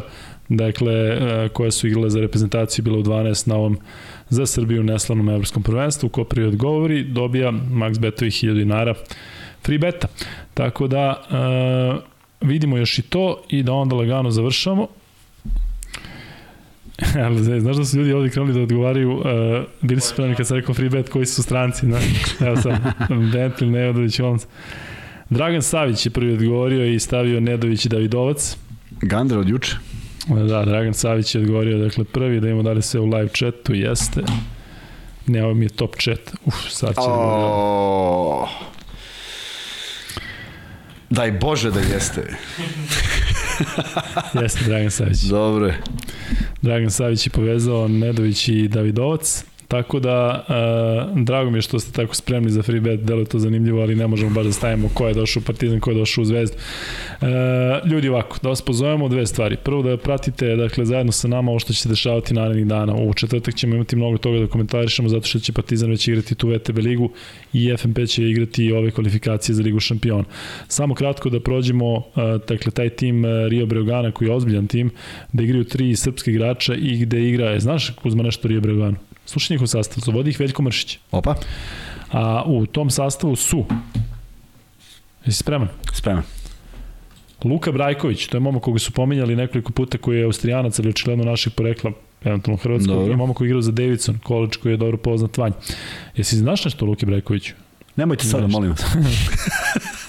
ali pazi ovo, Stefan Momirov, Nemanja Nenadić i Marko Luković. Tri Šta, svi su tamo? Svi su tamo. Mršić trener, a kod njih je i Toni Nakić. E, hrvatski, hrvatski Evo, kom to pri timu priča? Rio Bregan. Čoveč. Pritom Scott Benford, koji je odličan, odličan igrač, Scott Benford je možda i... Je sećaš Benforda? Ne. Iz budućnosti od pre par ne, sezona? Ne, se. Kako se bre ne sećaš? Pa izvim. Ništa, ajde, oprošteno. Ali igra dugo u Španiji, Ima tu još zanimljivih imena, ajde sada da ne ulazimo u, u ovog Amerikanca, iskreno ne znam ovaj, uh, ovaj veliki belac koji je igrao za Wisconsin, uh, nešto je on menjao klubove, ali neće biti lako, tako da će to biti vrlo interesantna utakmica koja je na programu, dakle, već preko sutra, Uh, za 9 minuta će to već biti sutra. Dakle, FNP igra protiv Rio Bregana od 20 časova u Pioniru, tako uzman? Da. Dakle, u sredu u Pioniru. Uh, što se tiče Partizana, dakle, Partizan igra svoj meč protiv Lokomotive Kubanje u 19 časova u četvrtak, što se nama odlično namešta za uh, podcast koji je u četvrtak od 21. Tako da vraćamo se dakle u ove, da kažem, klubske vode, nažalost sa tim gorkim ukusom oko reprezentacije, uskoro naravno počinje ABA liga, pa Euroliga, pa NBA liga počinje vanje 15. ili tako? 18, uh, NBA liga počinje 18. u oktobru počinje, 15. ili 18. Znaš ti koliko će biti Kuzma za priču? Ne možda veruješ, ne možda će biti 6 sati podcasta malo. Ozbiljno, uopšte se našli. Šta ti je rekao Čika Kuzma? Šta je rekao? Pa za to da ćemo imati šta da pričam. Dobro, ne, ja ti nisam verao samo za ovaj dan. Hm? 19. Da. A slušaj šta ja treba da se pohvalim opet. Ajde. Od juče do danas 110 novih pratilaca i hvala Opa, svima, jest? Koliko imamo sad? 7100? 10. Pa da, računam da sam juče imali 7000, sada ne preterujem u nekom momentu u danu. Ali hvala svima još jednom, ja sam to negde pustio na priči i onda su ljudi lepo reagovali i jedini koji u stvari ne gleda naše priče si ti. Ne mogu fizički, ja kad kliknem na ono, on mi izbaci i kaže možda imaš Instagram, verujem mi, Ma nemoj, ja. stvarno, da, ne, ne, neverovatno Ja samo vidim ono kako ja, Vanja stoji ovako sa loptom i svaka slika Vanja ovako stoji s loptom. Mogu bi staviš onu sliku, stavio kada smo slikani u majice? Kad smo se fotkali. I stavio sam i tu. Bilo na storiju. Aha, bilo I na storiju. Nikad I više niko neće vidjeti. Ali imam ja u telefonu, sačuvao sam. Nemoj da brineš. da. Pa ti kad neko hoće da vidi ti ovako Tako je, on, da- neko nazove i kaže, mogu još jednom da vidim, ja mu pokažem. Tako je. E, free bet smo ispucali, ispucali smo sve. Imaš 7 minuta da, da, da zaokružimo 3 sata. Taman da nabrojimo Instagram naloge i ove sve ostalo. A gledajte te majem page-ove, imate, možete da budete Patreoni, možete da budete, e, možete da kupite majice, nadamo se da ćemo uskoro imati više u tom našem izlogu više nekih stvari, ovo sa majicama ide dobro i e, dobro, to je u suštini to. Vanja, pitali su te za koga navijaš, pa su onda sami komentarisali za NBA i da je Vanja NBA i NFL, hoćeš da kažeš za koga navijaš pa da zapališ internet ovde, da, da gori, a? Nećeš. Ne, Vanja, ne navija ni za partizan. Ranije malo navijao za jedan klub, sad više ne navija ni za jedan. Ovaj, tako da ćemo sa time da, da završimo i Kuzma imaš ti nešto za kraj? Ali Nemam. vidi da traje 6 Hvala. minuta da budemo do Da, 3 jedan, jedan kraći govor. Da. Ne, hvala, hvala svima što su i večeras bili s nama i što eto prelazimo iz jednog e, žao mi je što nije bilo uspešnijeg e, projekta mi smo uradili sve što je do nas, ali e, zakazali su naši reprezentativci, jer mislim da je bilo pun pogodak. Ja verujem da onda, stvarno, da, da, da se to stvarno desilo i da smo ovo juče završili u nekako euforično teško da bismo danas sedeli i pričali, ali eto, o, dobili smo ovaj novi termin u kojem ćemo biti sada svakog ponedeljka. Prilično nam odgovara jer, jer je moguć za analizu svega onoga što se dešava u ABA ligi, a i ne samo u ABA ligi, znaš, imao sam dosta pisama i poruka da se malo posvrnemo i na one ostale lige Juba ligu recimo. u Srbiji, a i znaš šta, da pratimo sve ove momke koje smo, koje smo i ugostili, da vidimo šta rade po svetu Tako da i. Evropi. Dakle, bit će tu puno nekih informacija i, i tamanje vikend me, momena da prikupimo te informacije, jer će sve biti završeno i u ponedjak na tenane pričamo o svemu tome. Pa evo samo koliko je naših gostiju će raditi na različitim meridijanima i, i, i, voditi dru, različite klubove, a da ne govorimo o igračima koji postoje maltene na svakom Da, da, da, to si dobro procenio. Dakle, mi sad ono, sve, sve su gledaš i kao naše. Tako je, šta je tako Raković, je, kako mu tako je je, Memphis, tako je. je vidiš. Golden Pa da. State. upravo to. Um, znaš šta, delo je možda malo neverovatno. E, kaže, majice su vam baš skupe. Mm, mislim da to ne bi, pa možda shvatiš, e, Milane, da e, je to... I koštaju nešto. E, Da, dakle, to mora da se napravi i sve, tako da nije, veruj mi, uopšte nije cena. Ne da nije, Dobijam, nego- Kad bi verovao kako to izgleda, ali su dobre majice, eto da znaš. Um, a znaš da mi je ovo prva sezona koja kreće, da mi je ovo prva cela sezona koju ćemo raditi kao podcast Luke Kuzma. Imamo osjećaj da mi radimo milion godina, mi smo krenuli u novembru, pa smo pauzirali, pa ne znam šta. Dakle, mi sad u stvari krećemo prvi put od početka. Kapiraš? Ne. Kako ne kapiraš? Počne u novembru. Jesmo. Je li tada uveliko bila sezona? Dakle, mi sad A, tek sezonu krećemo. košarkašku, da, da, da, da, da, nisam Dakle, razumio, da, da. I, mm, Nisam prisutan. Ali da, košarkašku sezonu počinjemo, mi smo krenuli kasno, tek u novembru. I, to ad hoc, onako, Jest. ajde da pričamo o nečemu. I prije ovo što što smo se odmakli od evropskog prvenstva, smo se tu baš istrošili i Jest. fizički, plus, Jest, plus, jest. plus smo i pukli, onda kao ajde da radimo svaki dan. Danas pa ne razmišljaš o čemu pričaš. Danas te priča vodi. Jest. A e, sedam posljednjih dana pričaš šta nisi, šta još da Bato, kažemo. Da, šuder. Šuderu, znači, ne znam da li smo i koliko god ga ja gotivaju, Pa da. braća Vilijana Gomez. A da, ne I možeš šta je od toga. Finska, dakle, baš prije da se malo ovaj, Jeste, da malo pričamo o nekim novim stvarima, tako je. E, tako da, e, dobro, to je to za sada, dakle 70 i, e, koje je ovo izdanje, 76. je završeno, Jeste. 77. Će, znaš ko nosi broj 77? U Dallasu. Znaš, pa. Luka Dončić. Luka Dončić. Tako da 77. Jok ne, izdanje, gleda, jok ne gledam. vidit ćemo da ga, da ga dovedemo Jok ne da, da prati. zove. E, dakle, 77. Nijemo gosta, ja sam, ja sam se čuo sa, sa ovaj gostom za, za četvrtak. Da znaš sam, Kad si čuo? danas. Aha, ono što sam pisao? Aha. Uje, pa znači onda ćemo morati da to sve preobrnemo, da ne Malo ćemo, ovako. malo ćemo krenemo odatle pa ćemo nešto smisliti. Dobro, ovaj, e, ništa, e, uvidimo se u četvrtak u 21, tako Vanja, to je standardni termin za sada, uživajte pa, dakle za tri dana smo opet zajedno.